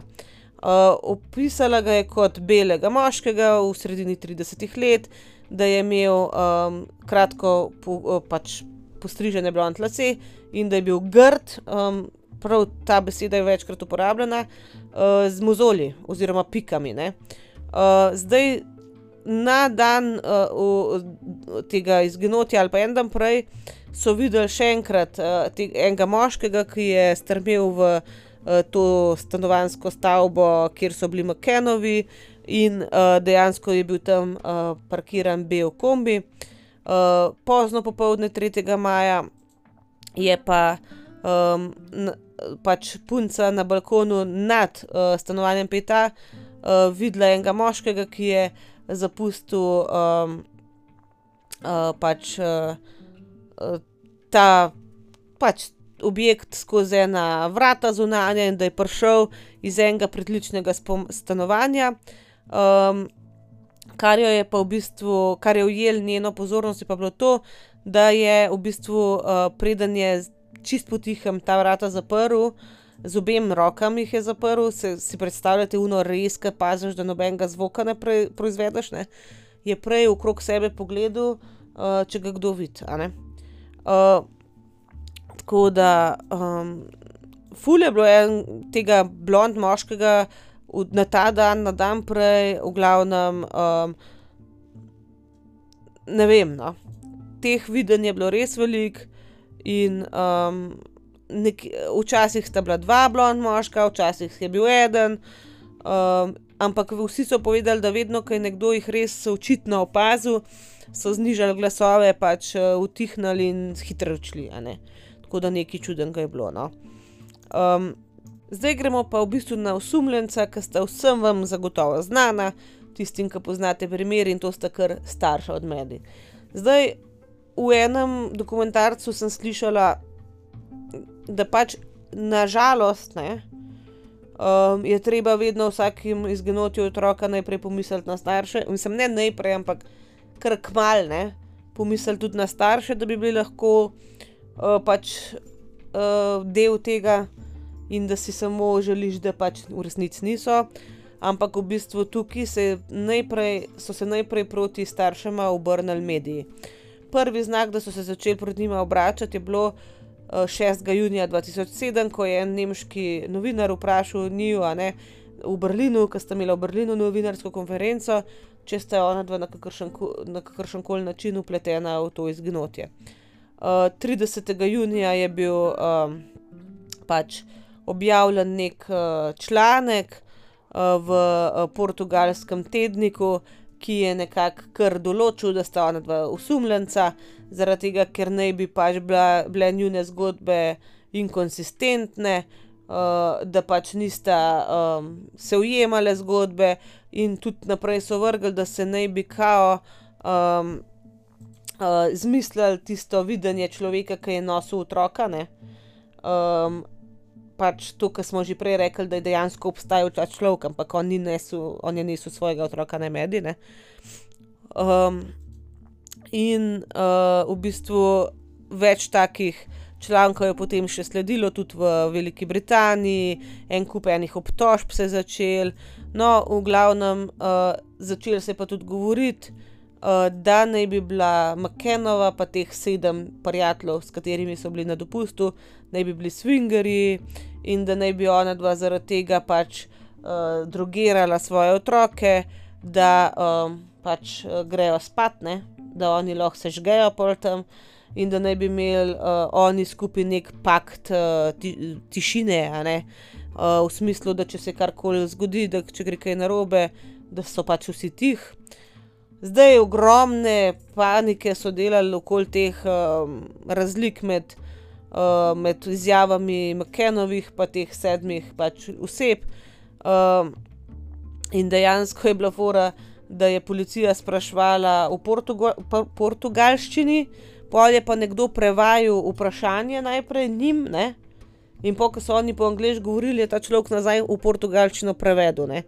In v bistvu um, je pač Kate povedala, da so pač njihove izjave najprej um, natipkali portugalsko, pa so jim pa oni jih prevedli ustno v angleščini uh, in so jih oni mogli pol podpisati, ampak oni pojma nimajo, če ne govori portugalsk. Pa če portugalski policist, mislim, nekdo od njihove policije njim to prevaja, ker so že tako naperjeni proti njim, nimaš pojma, kaj je on tam napisal po portugalski. Tako da tukaj si predstavljam, da so lahko malo po svoje priredili, sploh glede na vse ostalo, kar je še bilo. Um, recimo, um, razlike so bile tudi v tem, a so pač hodili skozi zaklenjena sprednja vrata, pa so imeli pač ključ, a so skozi odklenjena zadnja vrata hodili. Ampak to je tako, a ne pač to, jaz ne vem, no, a se spomniš vsakeč. Mi danes z mulci nismo, včeraj jaz nisem uh, bila pri pouku, ker sem šla v eno spremstvo in se nobeden ni mogel spomniti, a so šli včeraj jesti kosilo v jedilnico, z eh, sodelavko na čelu, da se razumemo, ali so pojedli kosilo v razredu. Zato, ker ni važen. In recimo, pač to so te stvari, ki ti v tistem trenutku niso pomembne in se, se jih ne zapomniš. Ne? In oni mislijo, da najbrž so šli dol, ampak niso šli dol. Samo ker grejo vsak dan dol, pač misliš, da je dobro, šli smo dol, nima veze, sem pač primer vam dam. No. Uh, v glavnem, um, potem so recimo začeli ugotavljati, a se da recimo uh, ta roleta, ki smo jo omenjali, od odzuni odpreti. Um, pol, ne vem, no, take fore, v glavnem so ugotavljali, trančirali, ni da ni, v glavnem na vsak način so želeli njiju obtožiti, da sta ona dva medi nekaj naredila. No, do konca junija 2007 je recimo približno 100 policistov, pa pa drugi prostovoljci, pa policijski psi, pa tako naprej, preiskali približno 15 km okoli Praja de Luz. In pač nič niso imeli, ne, ne znanja v tej smeri, izkušenj, nič, nič, nič. Um, ena iz Lizbone, ena srčna skupina je prišla, sicer oni so imeli neki izkušenj, imeli so te pse, ki iščejo, ampak um, pač dejansko uh, so pre, prepozno prišli, a ne po petih dneh šele, ker so njihovi vodniki rekli, nekako po dveh, v, okviru dveh dni bi bilo najboljše, da začnejo iskati. Uh, preiskali so obalo, plažo in tako naprej, uh, neke odprte površine v bližini tega uh, naselja. No. Uh, in pa tudi pač ta, uh, to posestvo, uh, na katerem je apartma Peta, uh, vse te um, uh, njihove apartmaje, uh, njihove avtomobile in tako naprej. No?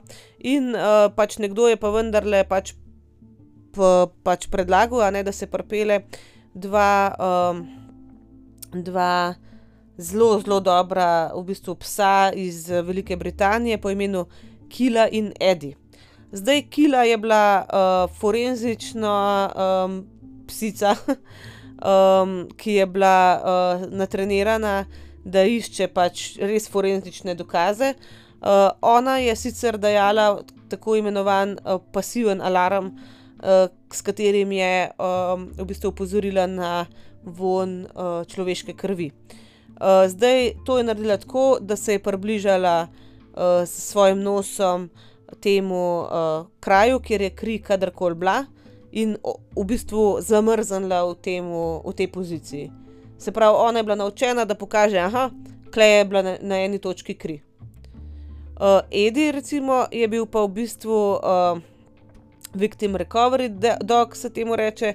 On je bil pa v bistvu naučen, da da tako imenovan uh, alarm z laježem uh, na uh, na von pač um, človeškega trupla. To zdaj pomeni, uh, ali takoj po smrti, uh, potem recimo tudi, če bi bilo truplo pokopano, če bi bilo zažgano, če bi bilo v vodi, ampak on je bil natreniran, da samo, um, samo na von mrtvega telesa reagira in nič drugega. Um, zdaj ti dva psa sta prš, prš, prispela v Praja de Luz 31. junija 2007, pelali so jih v apartma Peta uh, na bližnje, uh, bližnje uh, smetišče in na plažo, in uh, dejansko sta oba dva psa um, dala alarm za um, uh, kavčem v dnevni sobi Peta, in uh, Edi je, da, je pač alarm pokazal v bližini uh, garderobne omare v glavni spalnici.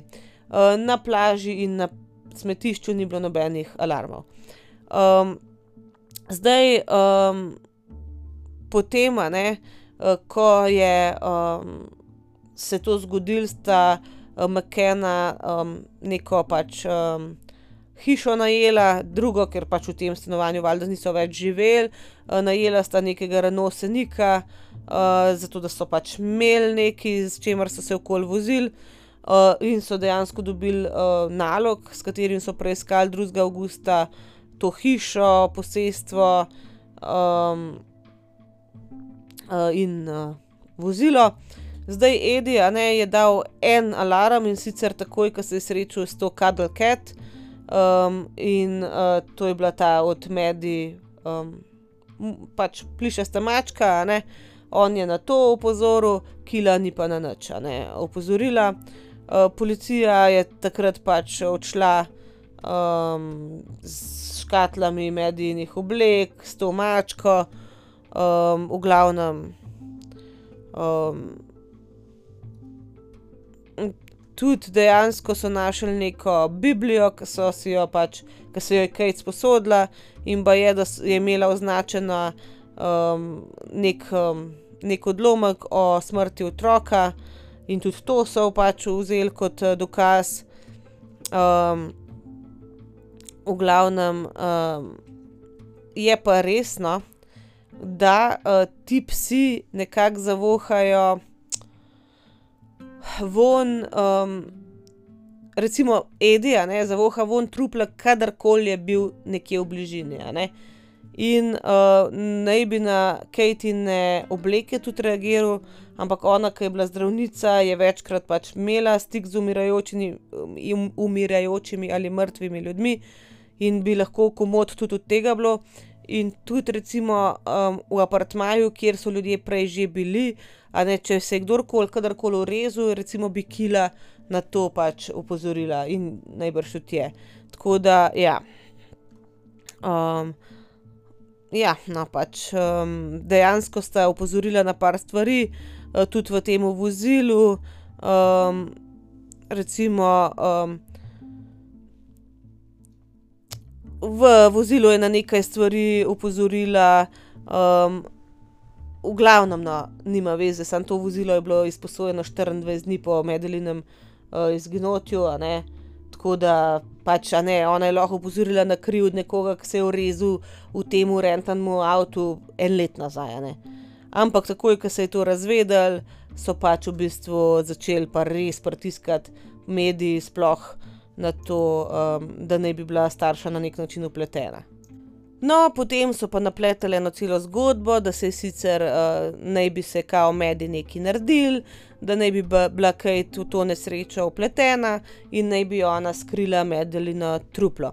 4. septembra 2007 uh, je bilo to nekako objavljeno oziroma vzeto na znanje naslednjega dne, uh, naj bi pač ti kriminalisti rekli, da lej, če boš priznala, da je Medi umrla v neki nesreči v stanovanju da, in da si ti skrila njeno truplo, boš najbrž samo dve leti šla v zapor, uh, tvoj mož bo pa Freja, ne bo šel pač, bo prost. Um, od oba dva starša sta dobila 7. septembra status uh, Arguido, ne se pravi sumljenca. In um, njuni odvetniki so jim svetovali, da naj ne odgovarjate na kakršna koli vprašanja. Um, zdaj, um, Jerryju je kriminalist povedal, da je bil Medelinen uh, DNK najden v um, uh, prtlažniku avtomobila in za, uh, za pač um, kavčem v apartmaju 5A. Um, zdaj, kar se tiče tega, je res ali ne, dejansko je bilo nekaj njenega DNK-ja. Uh, ampak še druge DNK-je niso vse ujemali, tako da v bistvu so bili rezultati nedoločni. Um, pismo, ne, če se je njena družina s tem vozila, se kakšni njeni las, laski so kje ostali, a ne recimo v tem avtomobilu, pač komod to, kar so najdel, ni treba, da je bila ona dejansko tam. Tako da uh, v resnici ni bilo nobenega DNK dokaza konkretnega ampak oni so jim to rekli, uh, pač Jerryju sploh. Ampak uh, Jerry se je potem odločil, da bo odgovarjal na vprašanja preiskovalcev, medtem um, ko se je pa Kate odločila, da na 48 vprašanj uh, v, znotraj 11 ur zasliševanja, ki jih je imela, ne bo odgovorila. Pač to je njena pravica in to se je odločila. Um, zdaj, uh, portugalski. Um, novinari so objavljali, da uh, je 100% ujemanje DNK-ja, uh, britanski tabloidi so objavili, da je, bil, uh, da je bilo truplo v McKenovem avtomobilu. V glavnem, to je bilo zdaj kar odločeno, da ona dva sta kriva. Ampak uh, kljub temu, da sta imela status osumljenca, sta se McKenova lahko, uh, sta pač lahko zapustila Portugalsko. In uh, sta dejansko takoj to storila, ker so jim pač svetovali, in sta prišla nazaj na, na, v Anglijo 9. septembra 2007. Uh, zdaj rekli so, um, um, da pač sta rekla, da jim je bilo to najbolj hudo brez nje oditi. Da ona dva sta najprej mislila, da boste tam dokler ne najdete, ampak potem pač je to tako šiče v ratu, da je bilo tudi zaradi tam malih dveh boljš, da grejo. Um, in dejansko uh, je v bistvu ta glavni inšpektor, Tavares de Almeida, uh, on je bil uh, vodja kriminalistov ta čas, že uh, naslednji dan, potem, ko sta šla v Veliko Britanijo nazaj, napisal devet strani dolg uh, poročilo, v katerem je zaključil, da je Medi umrla v Partnaju Peta kot rezultat neke nesreče, uh, da um, so bili pač ti.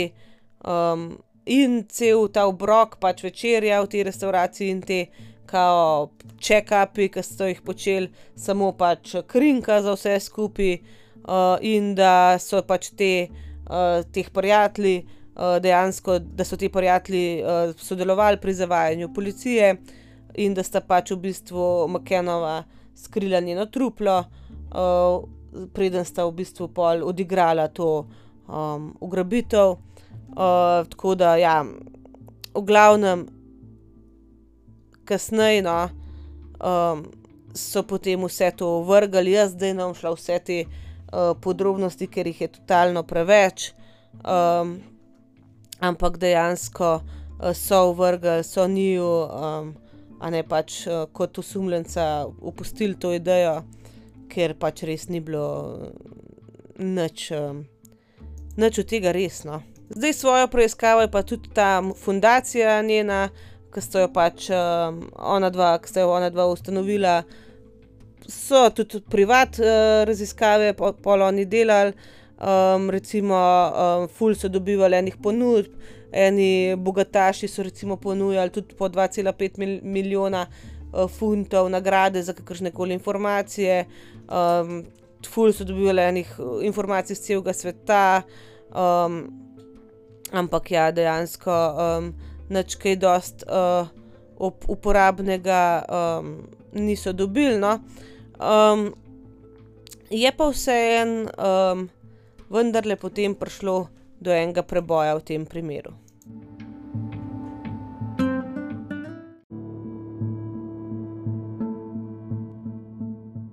Po vseh možnih preiskavah, ki so jih Britanci delali, pa Portugalci, je na zadnje, kaj kdo razrešil stvar, no se jo še niso do konca, ampak Nemci.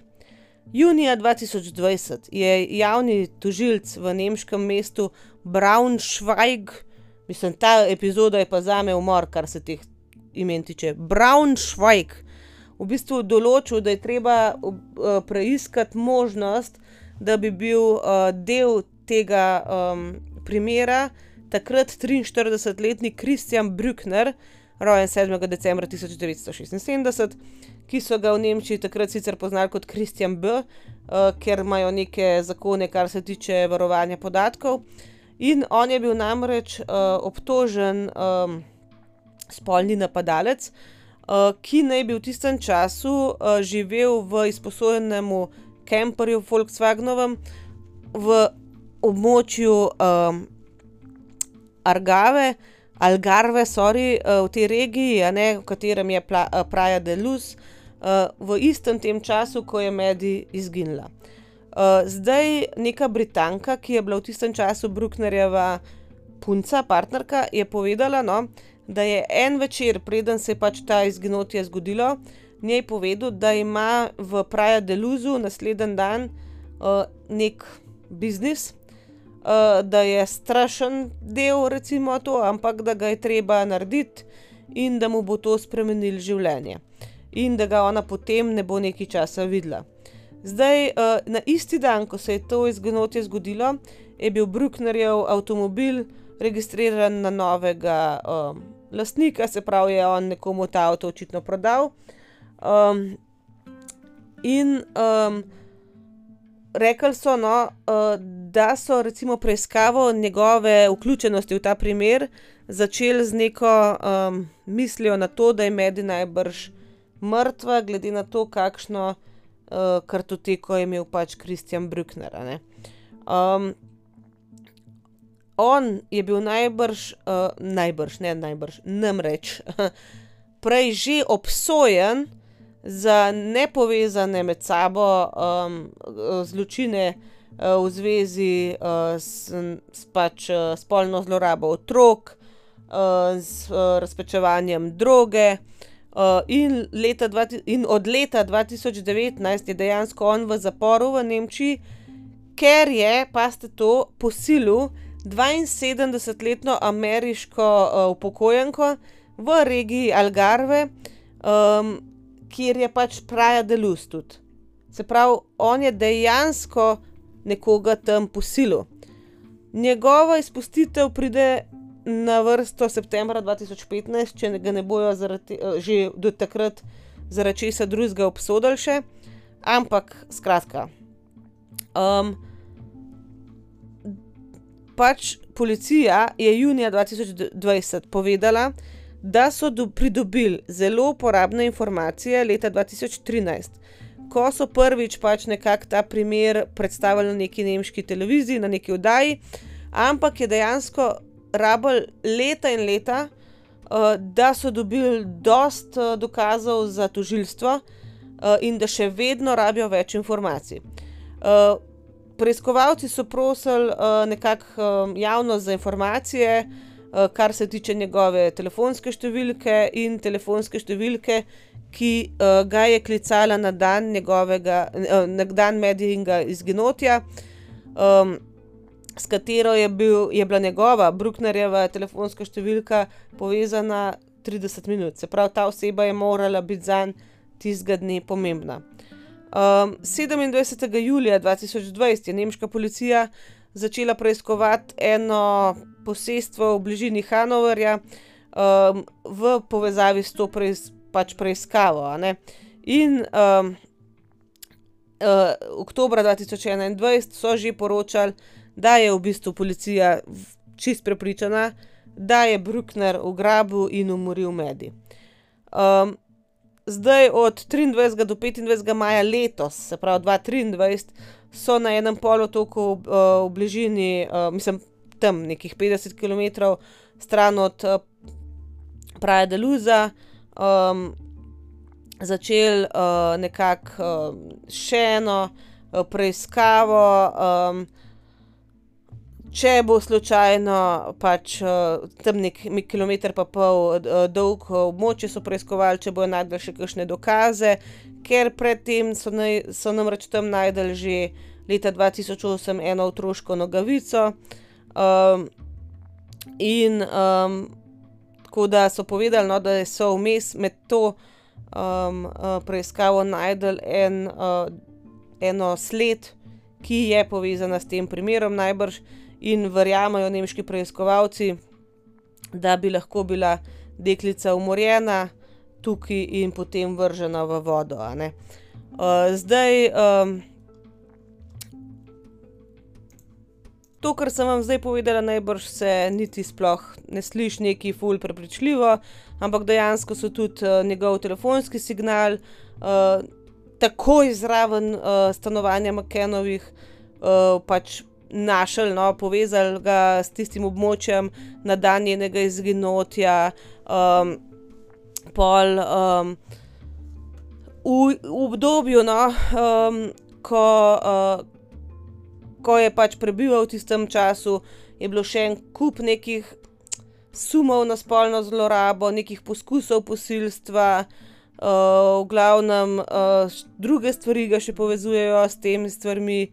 Um, In um, v resnici je kar zelo, zelo možen osumljenc. Je pa še nekaj, da on v bistvu, če pogooglate njegovo fotografijo, uh, on je točno takšen videti kot ta moški, ki ga, ki ga je toliko ljudi opisali. Se pravi, uh, videti mu je, da ima neke uh, pač odakane, um, te um, brazgotine po obrazu. No, bom rekla, da je lih grd, ker to za enega človeka težko rečeš, ampak prolep lih ni. No.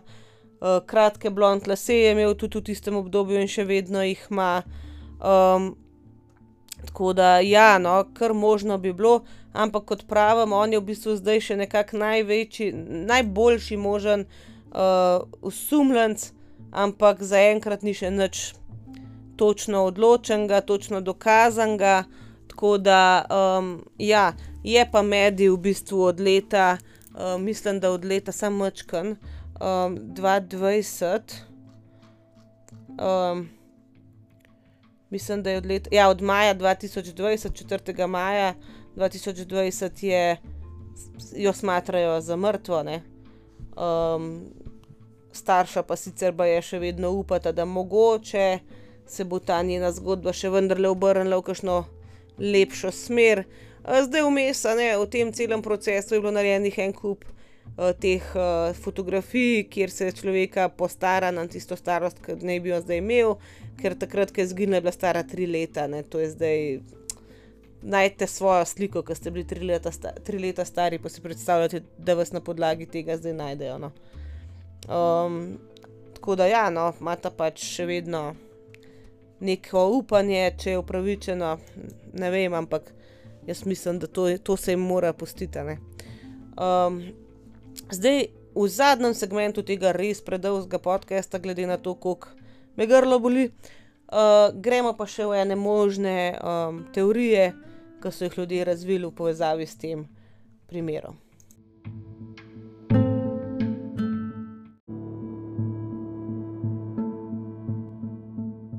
Teorij okrog izginotja Medlin McCann je bilo po mojem, tukaj je bilo ljudi, ki je ta primer pač spremljala.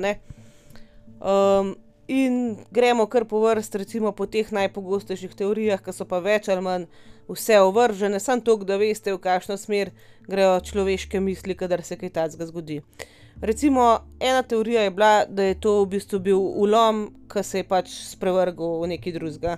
Da naj bi pač. Um, neka, bila neka poročanja, da je bila ta vila, v kateri je bil uh, ta apartma, nekako um, tarča uh, nekih ulomilcev, ki so pač zapaničarali, ko so videli medij in so jo ugrabili. Uh, Scotland Yard je v bistvu to uh, raziskal, uh, izprašal en kup um, pač osumljencev, ampak je pač portugalska policija um, to teorijo ovrgla. Eh, potem druga teorija je bila, da je bila medij uh, ugrabljena strani um, v bistvu preprodajalcev otrok, v bistvu kriminalcev, kriminalcev, ki se ukvarjajo z belim blagom. Um, naj bi pač v bistvu uh, odkrili uh, dokaze, um, da naj bi ljudje, ki se ukvarjajo s pač, uh, human trafficking, se pravi s trgovino z belim blagom, ne, uh, imeli dejansko neke punkte v Praja Deluzu, kjer so v bistvu opazovali uh, možne žrtve in tako naprej. Uh, in um, v bistvu zaradi tega so tudi veliko, veliko teh um, uh, usumljencev v teh letih um, izprašali.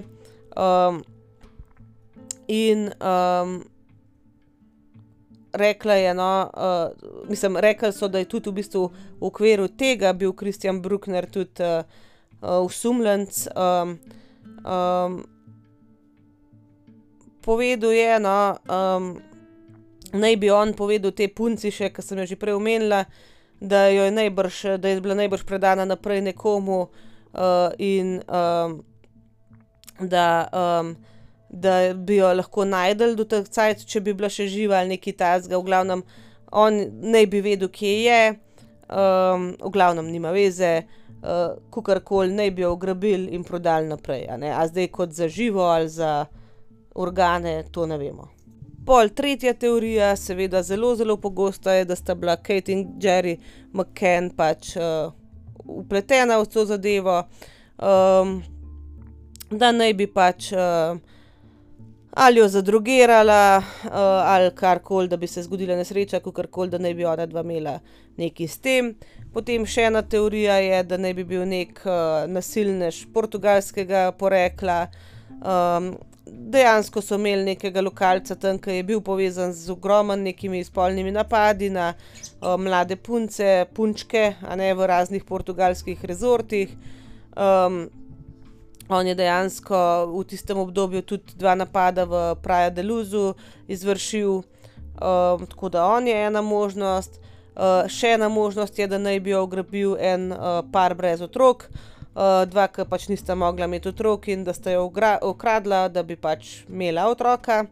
Um, tako da to je ena teorija. Um, še ena teorija je, da naj bi bila to neka uh, bizarna zgodba, um, zaradi tega, da bi um, turistično industrijo portugalsko rešili, kao da bi naredili reklamo za portugalsko, čeprav je ful dobra reklama, res kar neki. Pol še ena teorija je, da naj bi uh, mediji že leta in leta nazaj našli živo, uh, ampak da so se pač odločili, da jo bojo pustili v neki anonimnosti, da bojo pustili to kot skrivnost, zaradi tega, da bo lahko svoje življenje živela tako normalno, v, zaseb, v neki zasebnosti. Um, tako da to je ena teorija, ampak jaz mislim, da ne bi pač mogli nje skriti, če bi jo zdaj našli. Še ena teorija je, da je pač bila tragična nesreča, uh, da je pač ona odtavala iz stanovanja in padla v nek vodnjak. Um, da pač so tam neki vodnjaki, tudi do 100 metrov globoki in bi se lahko naredili. Potem še ena teorija je, da jo je umoril nek pedofil, uh, ki bi jo lahko pač um, ugrabil, izkoristil in potem uh, umoril uh, in pač odvrgel v morje. In še ena teorija pa je, da Medi ni nikoli obstajala, da naj bi pač um, britanska vlada uh, nekako um, si izmislila celo stvar, zato da bi prekrila določene druge zgodbe, ki jih pač ne bi radi, da bi pač se razvedle. Um, zdaj, um, vmes se je še znašla neka Julija, uh, ona se je znašla februarja, kjer ga leta že dva, letos, februarja letos. Um, neka Poljakinja v, v svojih 20 letih, uh, se je javila, da misli, da bi ona lahko bila Madeline McCann uh, in se je povezala z nekim uh, zasebnim detektivom. Um, v bistvu um, ona ima zelo grozno zgodbo svojega otroštva in se ful ne spomne svojih najzgodnejših let, tako da so se pač uh, povezali s Kate in uh, Jerryjem in primerjali DNK, ampak ni bila pač ona, ni bila Medina. Tako da zdaj je že 16 let minilo od tega izginotja, ona bi bila leto stara 20 let, um, zdaj še vedno ima ta starša upanje, da se kdaj kje pojavi. Uh, dvojčka njena, brat pa sestra, Emily pa Sean, sta pa stara zdaj že 18 let uh, in me prav zanima, no. um, kakšen life ima ta ona dva. No? a sta bila ti dva starša sposobna biti sploh njena, star, njena starša orang ali živite v nekem žalovanju. No. In to mislim, da je pa vendarle to.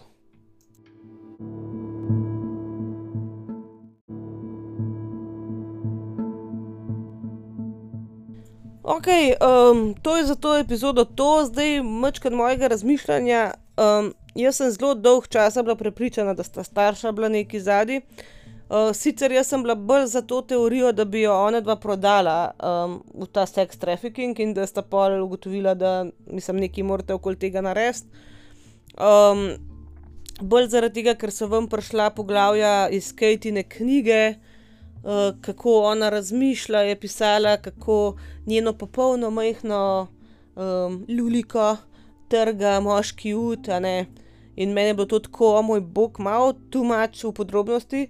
Čeprav jaz verjamem, da pa, ki si ti starš, svašta razmišljaš. Ne? Jaz mislim, da svašta razmišljaš, ko ti otrok zgine. In um, ona je pač to dala na papir, pa bi bilo mogoče bolj, da ne. ne? Uh, tako da, ja, um, jaz ne vem. No, jaz mislim, da je res tale Bruckner, se mi zdi zelo primeren uh, osumljenc. Jaz zdaj, se pravi, veliko je še drugih informacij o njem, ki jih jaz nisem mogla do zanesljivo najti, da bi vam jih predstavila, ampak se sliši kar verjetno, da bi bil on. Uh, drugač pa se je obmorska mesta, jaz mislim, da je najlažje pospraviti nekoga ali pa spraviti ga iz države, ne nujno ubitne. Tako da, um, ja, jaz mislim, da nje ni več. Nje ni več na svetu. Me pa zanima, kakšne so vaše teorije okoli tega, ker se mi zdi, da je res tok um, znam primer, da da pač ima vsak neko svojo teorijo o njem. No. to je za danes to, jaz zdaj grem spat. Dost je bilo. Um, ko mi še govorim, tako da lepo se majte, poslušamo se naslednji teden. Ostanite varni in zdravi, pazite, da se ne prehladite in to je to. se poslušamo in čau, čau.